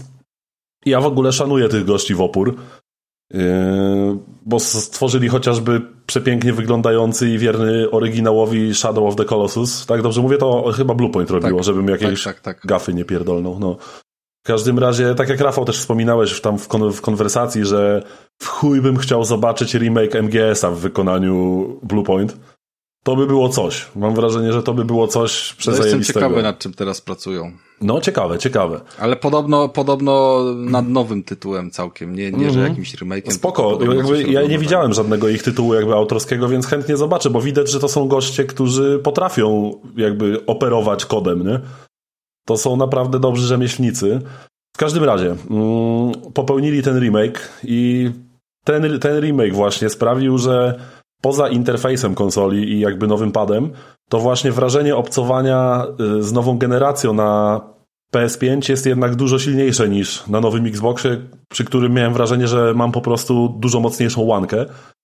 No i Demon's Souls jest tego pięknym przykładem, bo pierwsze co rzuca się w oczy w tej grze, co zobaczyłem od początku, już od intra, które jest po prostu tak pięknym jakby CGI, ale to wygląda jakby było na silniku gry, tylko takim podrasowanym. Eee, Pierwsze co rzuca się w oczy to jest ostra jak żyleta, piękna i pełna detali oprawa. Ta gra jest naprawdę piękna. Ona robi na mnie y, jakby ogromne wrażenie zarówno wykonaniem technicznym, czego brakowało mi trochę w Elden Ringu, jak i oczywiście przecudownym projektem pochodzącym co prawda z chorych mózgów artystów z FromSoftu, ale jednak kozaki z Bluepoint pozwolili tej wizji po prostu w, w tych czasach zabłyszczeć znowu, po tylu latach od premiery oryginału. Coś pięknego. Oni, oni, się, oni się do tego przyłożyli, ja szczerze mówiąc, yy, bo ja nie grałem nigdy w Soulsy, no to jakby nie jest dla, dla jakby żadna tajemnica tutaj mhm. na podcaście, ale yy, co by nie było, miałem od yy, kolegi pożyczonego y, gdzieś tam świeżo po premierze mm, te demony i zainstalowałem sobie, pograłem chwilę, jakby przeszedłem te pierwsze, wiesz, samouczki jakiegoś tam bossa i tak dalej, pokręciłem się chwilę po tych korytarzach, zanim coś innego mnie nie pochłonęło. Nie pochłonęło. E, bo, bo, bo były ciasne terminy. No i tak to zostało, nie? Być może jakiś powrót kiedyś będzie. No akurat masz dobrą no okazję w PS Plusie tą... nowym. No tak, no ale jakby tą grafikę i, i konstrukcję, to wszystko, o czym teraz powiedziałeś, jak najbardziej widziałem, doceniam, okej, okay, nie mówiłem o tym, bo, bo, bo to jest za mało trochę, żeby się podniecać, wiesz. E, tak, ale no w każdym razie tego, gra wiesz, robi wrażenie nieprzeciętne. Ale kiedy Eldena odpalałem sobie pierwsze, zobaczyłem te wszystkie 10 na 10 i odpaliłem sobie takie pełne trailery w 4K tego Eldena i zobaczyłem, że tam jakoś te ruchy są koślawe, te animacje postaci są takie mm, i, i jakby no dobra, tak. może nie w, w, konkretnej grze, jak się dłużej gdzieś tam grało i tego Eldena znaczy, twoje Eldenowi wiesz, brakowało wypociny. jakby, Elden jest piękną grą, to jest naprawdę przepiękna gra, ale po prostu pod ale kątem technicznym odstaje, tak. Jak zresztą większość tytułów From Software, a tutaj Bluepoint po prostu zrobił coś pięknego. Ja grając w tę grę mam takie przyjemne wrażenie, że w niej wszystko, jakby każda śrubka jest po prostu dokręcona, że to wszystko się trzyma. Po prostu to wszystko się wydaje tak solidne, ostre jak żyleta i pięknie wymodelowane. To jest naprawdę perełka według mnie. Ja, ja, nie wiem, ja nie wiem, czy to jest dobre stwierdzenie, bo ja obserwowałem tylko te gry tak na, na dobrą sprawę, ale jeżeli chodzi o te różnice między tymi jakby wykonaniem i silnikami, to bym powiedział, że mm, w Eldenie jest sobie ładny świat, ale postać, która na nim się porusza, wydaje się nie do końca właściwie po nim poruszać i być dobrze dopasowana, mhm. jeżeli chodzi o jakieś swoje animacje i tak dalej. Jakby, że, że, że gdzieś brakuje tego, wiesz, przywiązania, że, że stopa się ślicka po ziemi, a nie stoi w miejscu, wiesz, gdy się rusza i tak dalej. A w demonach, kiedy on sobie idzie i chodzi po schodach, to jest w stu procentach wklejony w tą tak, przestrzeń, w której to, to jest właśnie to, to, o czym mówię, że, że w, w tym remake'u naprawdę wszystko wygląda po prostu na wykonane solidnie, jakby było z solidnego materiału wszystko zrobione w tej grze. I w ogóle to jest swoją drogą bardzo, bardzo wierny remake, bo oni jakby oddali tam nawet yy, nawet glicze, jakieś możliwości cheezowania przeciwników, exploity, to wszystko zostało, glicze, bugi z pierwotnego Demon's Souls, więc oni naprawdę niesamowicie dużo serca w to włożyli. W każdym razie dalej, jakby gra się odpala domyślnie w 60 FPS-ach i wygląda zabójczo. I od samego początku po prostu ja zbierałem szczękę z podłogi, jak ta gra dobrze wygląda w tych 60 klatkach. I szczerze, ja kompletnie nie rozumiem dodania trybu kinowego, jak to jest nazwany w, w menu i to jest bardzo trafna nazwa, bo tutaj po prostu niczym w Starfieldzie jest prawdziwie kinowy, bo właśnie oscyluje w okolicy 24 FPS-ów, mam wrażenie, ten tryb jakości grze i dla mnie jest niegrywalny, szczególnie, że nie zauważyłem, żeby oprawa jakoś wyjątkowo wtedy zyskiwała. Jakby bez sensu. Według mnie po prostu powinni zrobić, dopieścić na maksa ten tryb 60-klatkowy i olać w ogóle tryb jakości, jeśli mam być szczery. Troszkę brakuje mi jakiegoś ciekawego wykorzystania adaptacyjnych spustów yy, w tej grze, natomiast wibracje, wibracje to jest pierwsza klasa. No, na przykład takie połączenie haptyki z odgłosami głośnika kontrolera przy rozdeptywaniu drobnych przedmiotów na ziemi albo roz, rozbijaniu tych większych, jak się przez nie turlasz, jakichś stołów, ławek, to trzeba poczuć. Jak po prostu masz wrażenie, ja się parę razy patrzyłem na kontroler, bo rozdeptałem jakieś małe wiaderko, które się rozpadło na drewienka i jakieś kawałki metalu. I ja po prostu aż patrzyłem na kontroler, czy mi się coś nie rozpadło w kontrolerze, nie? Bo z tym, z tym odgłosem i jak pięknie tam, miałem właśnie wrażenie, jakby coś mi się rozklekotało w kontrolerze.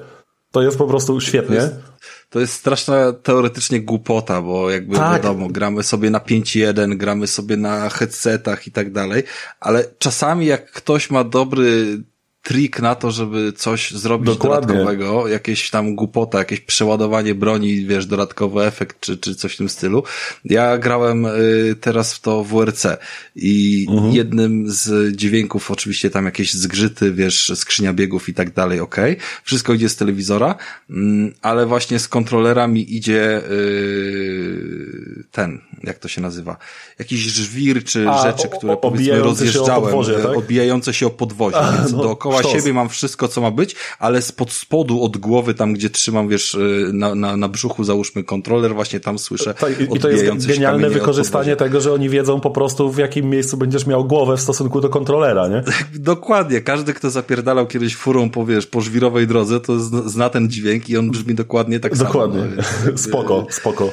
No ale właśnie o tym mówię i to są świetne rzeczy, bo na przykład jeszcze z tych wibracji niesamowite wrażenie na mnie zrobiło mm, kiedy zwykły oręż wzmocnimy zaklęciem, że on jest zaklęty wtedy, że po prostu jakby pokrywa się taką niebieską mgiełką i, i mamy zaklęty oręż przez jakiś czas, to y, ten oręż, on tak wydaje takie delikatne brumienie, lekko szumi i drży tak jakby taki kamerton, który się uderzyło o stół i, i, i ten pad drży w taki bardzo delikatny, ledwo wyczuwalny sposób y, albo prawym, albo lewym uchwytem, zależnie od tego, w której ręce trzymamy broń, nie?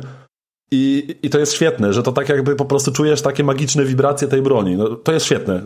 Robi klimat, to są pierdoły, ale to są takie pierdoły, które naprawdę potrafią robić niesamowitą różnicę, jeśli chodzi o taką imersję, wczucie się w grę po prostu. Mm, Natomiast dalej, yy, jeszcze bardzo mi się spodobały wbudowane w grę filtry. W ogóle, co ciekawe, nigdy się czymś takim nie bawiłem w grach. A tutaj yy, troszkę się pobawiłem i na przykład przez bite półtorej godziny grałem sobie w takim kluczu niemalże czarno-białym, że dosłownie tylko jakieś najbardziej intensywne kolory były widoczne. Mm, A tak naprawdę cała reszta była czarno-biała i gra miała wtedy jeszcze bardziej taki niesamowity, dziwaczny klimat. To jest coś fajnego. Zdecydowanie na plus to zaliczam. E, No i dalej. Mm, Jeśli chodzi o klimat, to jest potęgowany przez genialne udźwiękowienie.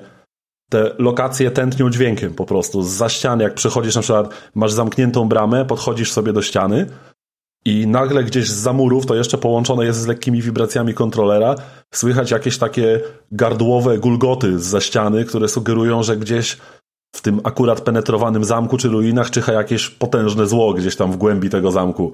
Jest fajny szczęk broni, krzyki demonów i innych przeciwników, odgłosy czarów. To jest klasa sama w sobie. Ja jestem naprawdę pod wielkim wrażeniem.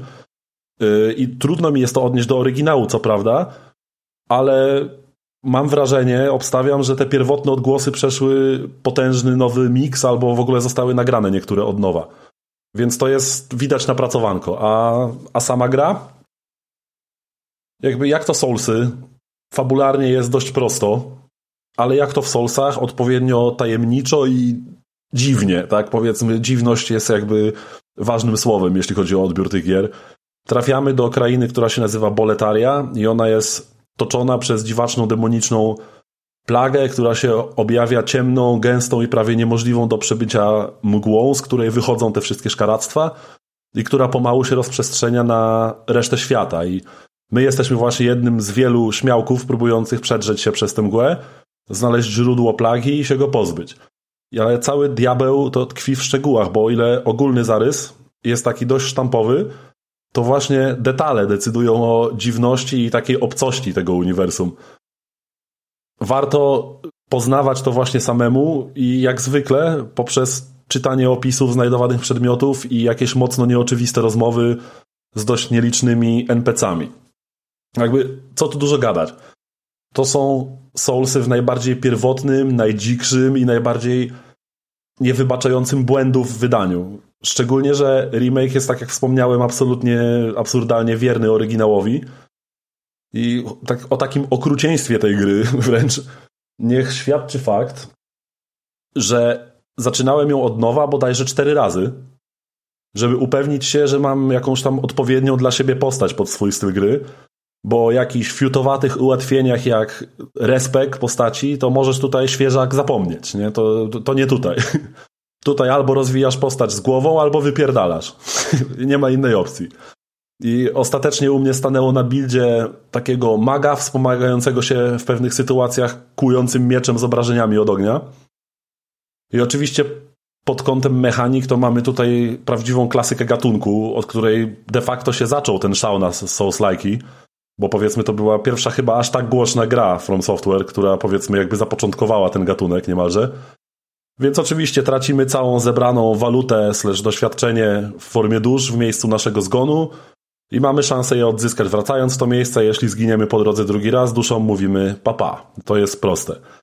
Ale tutaj mamy zdecydowanie bardziej hardkorowe podejście do tych zgonów, jeszcze bardziej niż w innych grach. Po pierwsze, klince, czyli tutejsze y, ogniska albo miejsca łaski, one nie są rozstawione jak chociażby w Elden Ringu co 100 metrów. O nie, nie, nie, nie, tu nie ma tak dobrze.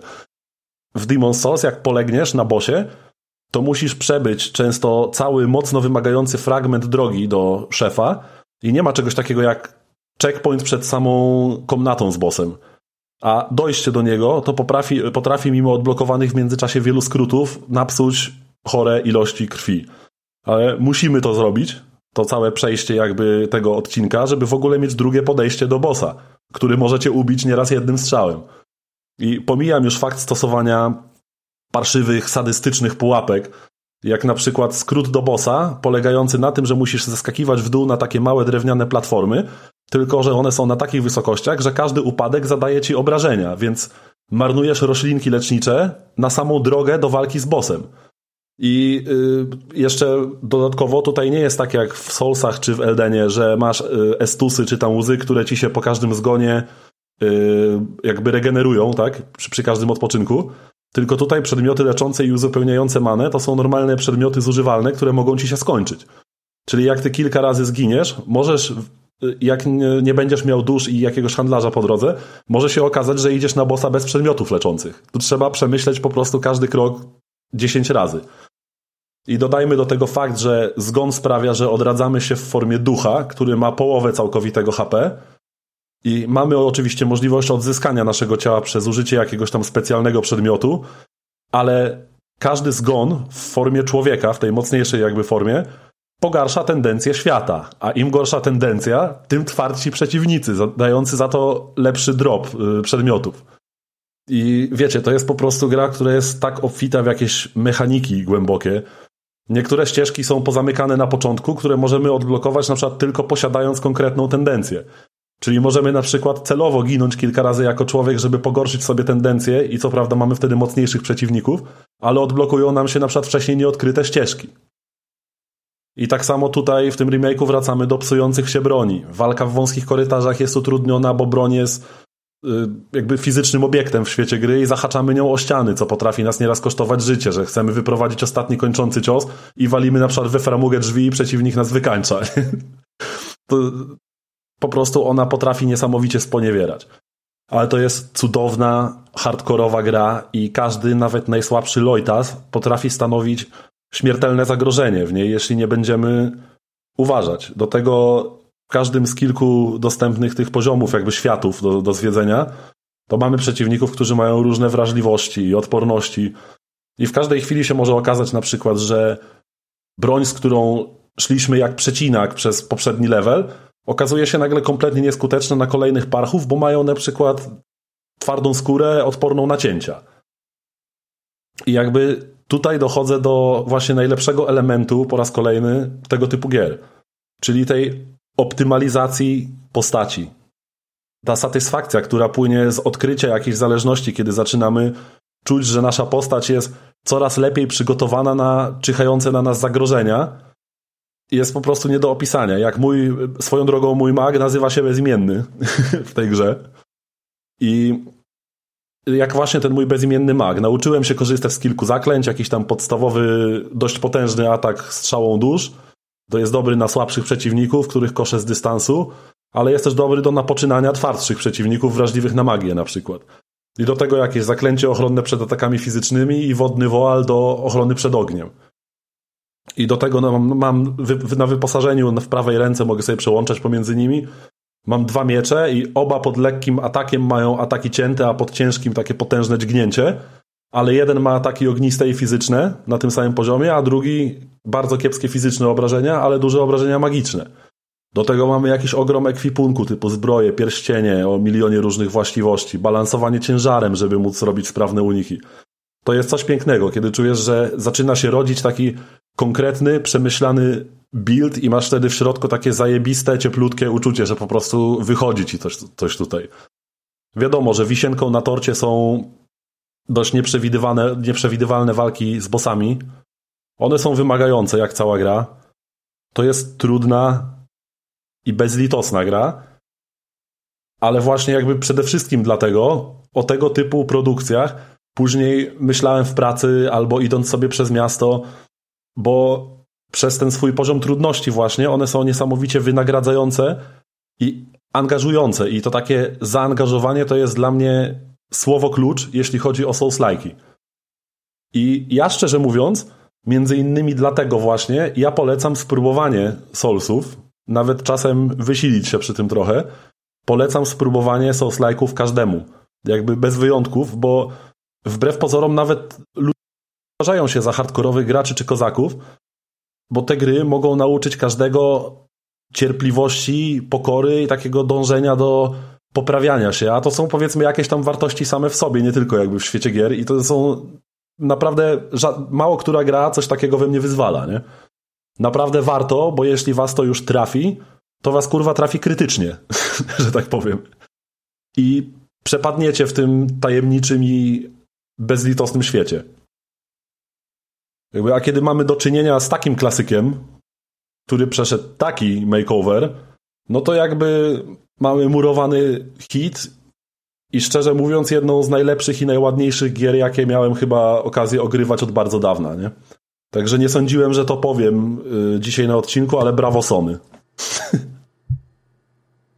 No, e, dobra Mikołaj, ale, ale jak ktoś jak ktoś... Y, chcecie coś e, zapytać? Bo nie wiem, no jakby tak, ja to, co bo... chciałem powiedzieć, to o tej grze powiedziałem. Bo... E, Krystian chce zapytać, kiedy będzie w Game Passie. ale się zabawny w chuj. Eee, Okej. Okay. Eee, i, I tak w nią nie zagram. Bez sensu. Eee, prędzej w Eldena bym pograł. No właśnie, czy miałbym pograć w Eldena, czy w Demon Soulsa? Bo wydaje mi się, że jakbym chciał zacząć przygodę, to chyba ten Elden będzie łatwiejszy. Znaczy, tak, bo Elden jest po prostu, tak jak na recenzji mówiłem, jest y, nieco bardziej przystępny niż większość Souls-like'ów. Mówię z tego względu, że tam możesz się po prostu wycofać i iść w inne miejsce, jeśli gdzieś jest dla ciebie za trudno, natomiast w demonach to jakby będziesz walił głową w ścianę, aż ją przebijesz, nie? I tak, na początek Elden jest fajny, ale też z drugiej strony mm, jakby wiesz, jest wiele osób, które zaczynały właśnie od, y, od tego typu gier. Moim pierwszym Souls-like'iem było Dark Souls 2 na przykład, które też miało dość hardkorowe mechaniki i ogólnie polecam po prostu spróbowanie czegoś z tego gatunku, co będzie się dla ciebie wydawało w jakiś sposób najbardziej atrakcyjne, tak? No to spróbował Star Warsów ostatnio. Nie, nie, nie, ale poczekaj, bo ja no, grałem w... A chociażby. No, no grałem w... Ale gra... właśnie jak zagrałeś no. w Star Warsy, to wydaje mi się, że w sumie to mógł, może być dobry wstęp do souls -like'ów, A ty grałeś bo... w Star Warsy, Mikołaj? Y, nie, ale jakby słuchałem waszych recenzji, oglądałem inne recenzje i na pewno kiedyś nadrobię. Ale myślę, że właśnie to może być dobry wstęp do takich gier, więc ja ci, Krystian, jakby Eldena jak najbardziej polecam. Ale to ten, ale to wydaje mi się, że po prostu Star Wars to takie, wiesz, soft porno, a Elden to już takie, wiesz, hard porno, więc... Znaczy to, to jeszcze nie jest bukake porno, ale no, już takie dość hardkorowe porno, no. E, Demony to jest bukake no właśnie porno. Właśnie dlatego, wiesz, fajnie, żebyś, jak będziesz miał e, Game Passa, żebyś sobie odpalił E, bo na nowym PlayStation Plus tego nie ma. Byś sobie odpalił po prostu te Gwiezdne Wojny, tak nawet pograł jedną, dwie, trzy misje i, i powiedział, czy, czy, czy w ogóle to, to może stać obok tych Souls-like'ów, czy, czy to w ogóle jest w ogóle gra dla Spoko. dzieci, wiesz. Mogę, mogę tak zrobić, bardzo chętnie. Tak, tak w ramach te zapozna, zapoznania mnie na przykład, albo też słuchaczy, czy, czy w ogóle to jest już przepaść ten Elden od Star Warsów, czy Znaczy nie? myślę, że to w jakimś stopniu jest przepaść, bo jakby w, w Gwiezdnych Wojnach z tego co wiem, nie masz tak rozwiniętego roz, rozwoju postaci, tak, tak zaawansowanego. Nie, Budowania nie, masz, buildów masz, i tak dalej. Masz, nie? masz, tylko Masz, ale dopiero później, bo na, na początku jesteś, jesteś pizdą, a dopiero później jesteś Aha. koksem, więc y, Znaczy w- masz też mniej ruchów, masz też mniej rzeczy, ale wiesz, mechani- mechaniki są w chuj podobne. Przypominam, o- Tak, znaczy, bo wiesz, bo chodzi o to, że No. wszystkie Souls-like'i, one mają multum kombinowania, typu, że na przykład y, możesz na, używać na przykład broni, na którą masz za niskie statystyki, ale nie złapiesz jej w jedną rękę, tylko musisz ją trzymać wtedy oburącz. Mhm. I na przykład możesz sobie podpisać dwie różne bronie pod dwie różne ręce i złapać na przykład os- osobno, wiesz, najpierw sobie lewą broń złapać w obie ręce, później prawą sobie złapać w obie ręce, nie? Nie, no to I, gdzie tam? Do Star Warsy masz jeden miecz, którego możesz sobie wybrać skórkę, czy będzie niebieski, No właśnie, zielony. a tu masz jakby chodzi mi o to, że Souls-like'i są niesamowicie głębokie, jeśli chodzi o mechaniki. To jest po prostu studnia bez dna, która jak cię już wciągnie, to ty będziesz całymi dniami myślał o tym, z jakim buildem teraz poeksperymentować, a może ten miecz złapię w dwie ręce i od czasu do czasu będę w lewą rękę brał tarczę, żeby się zasłonić, albo wezmę sobie kurwa różdżkę w lewą rękę, a w prawą rękę wezmę sobie lżejszy miecz i będę sobie go nosił na ramieniu w jednej ręce, nie?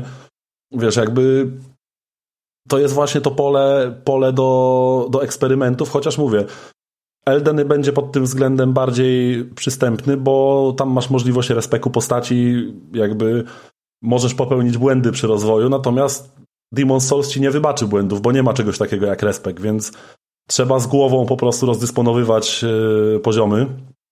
Więc myślę, że jakby no Gwiezdne Wojny mogą być takim totalnie soft Souls-like'iem, nie? Souls-lightem, że no tak tak, powiem. tak, no, no, Są, są jak erotyk na RTL 7 po 20. No, o, o, o, dokładnie. Co- Coś w ten deseń. No, a mówię, a, W końcu skończyłeś Albo tą na grę, Polonie więc- 1 może też, nie? No, a Demon's Souls są po prostu na drugim końcu skali, gdzie tam już jest bukake, hardcore, cream pie porno i jest grubo, no. No tak. No to spoko. No to ja, ja, No ja, w, tak. ja w ogóle grałem w, w Demon Soulsa. To Demon to był mój pierwszy Souls, w którego grałem. Powiem ci A, tak. to jeszcze grałeś na, na Playce trójce, nie? tak, tak. Powiem ci, że przeszedłem bossa pierwszego, chyba drugiego i do trzeciego doszedłem parę razy, ale ginąłem na nim już sobie odpuściłem. Stwierdziłem, że to nie jest zabawa dla mnie. No ale nie, no cała, cała ta zabawa była spoko. E, To No, ma swój wczoraj klimat. Jeden jest- fragment powtarzałem 25 razy generalnie, nie? No, bie- bierz pod uwagę, że ostatniego bossa w Star Warsach to trzy dni waliłem, tak? No, no dokładnie. No. Więc jakby polecam, bo to jest gatunek, który potrafi dosłownie, to są gry, które potrafią z nas jako ludzi wyciągać po prostu fajne cechy, o, których, o które byśmy się nawet nie podejrzewali, nie? No. I to jest, to jest w tych grach naprawdę zajebiste. No jest. Ale tak, jakby zeszło nam się, chociaż jakimś cudem się wyrobiliśmy, bo ja trochę zapierdalałem z tą recenzją tych Demon's Souls, Myślałem, że będzie więcej. ale to... już za nic więcej dzisiaj się raczej brać nie będziemy, co by zbędnie nie przedłużać i naszych słuchaczy nie męczyć. E, Słuchajcie, wpadajcie na nasze socjale typu Facebook, nasza grupa facebookowa, bezimienny podcast, grupa dla graczy.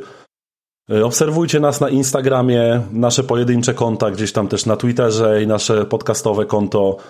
Sprawdzajcie, co się dzieje ze streamami, bo dzisiaj chociażby się męczyłem na żywo właśnie z Demon's Souls, więc taka recenzja na żywo. Słuchajcie, y, czekamy na Was, na, wasze, na Wasz feedback, jeśli chodzi o odcinki. Piszcie do nas, chętnie z Wami pogadamy. A my tymczasem. Pierwszy feedback, mamy, przycisz kurwa intro. Dobra, tak, właśnie było dzisiaj, y, był dzisiaj feedback i właśnie o taki feedback mi chodzi. Przyciszę, przyciszę intro specjalnie dla tego słuchacza, jak będę to montował. A Ale tylko tymczasem. raz. Ale tylko A tylko raz przyciszę, pó- później rozjebię dwa razy głośniej. No. Tymczasem będziemy się z wami żegnać. Zamykamy ten 213 spocony i gorący odcinek bezimiennego podcastu. E, Ze mną w studiu w Krakowie był Rafał Radomyski, dzięki. Dzięki wszystkim, cześć. W studiu w Anglii, ale w nowym miejscu. Gdzie ty teraz, w jakim studiu jesteś, Krystian? Jestem w Roderam. E, To się w... Broderam. Roderam. Także z Broderam pozdrawia was Krystian Kender. E, Pozdrawiam, trzymajcie się, hej. A za pierwszym mikrofonem, jako wasz ulubiony, żenujący prowadzący, byłem ja, czyli Mikołaj Weiser. My się żegnamy. Dzięki za obecność i uwagę. Pozdrowionka.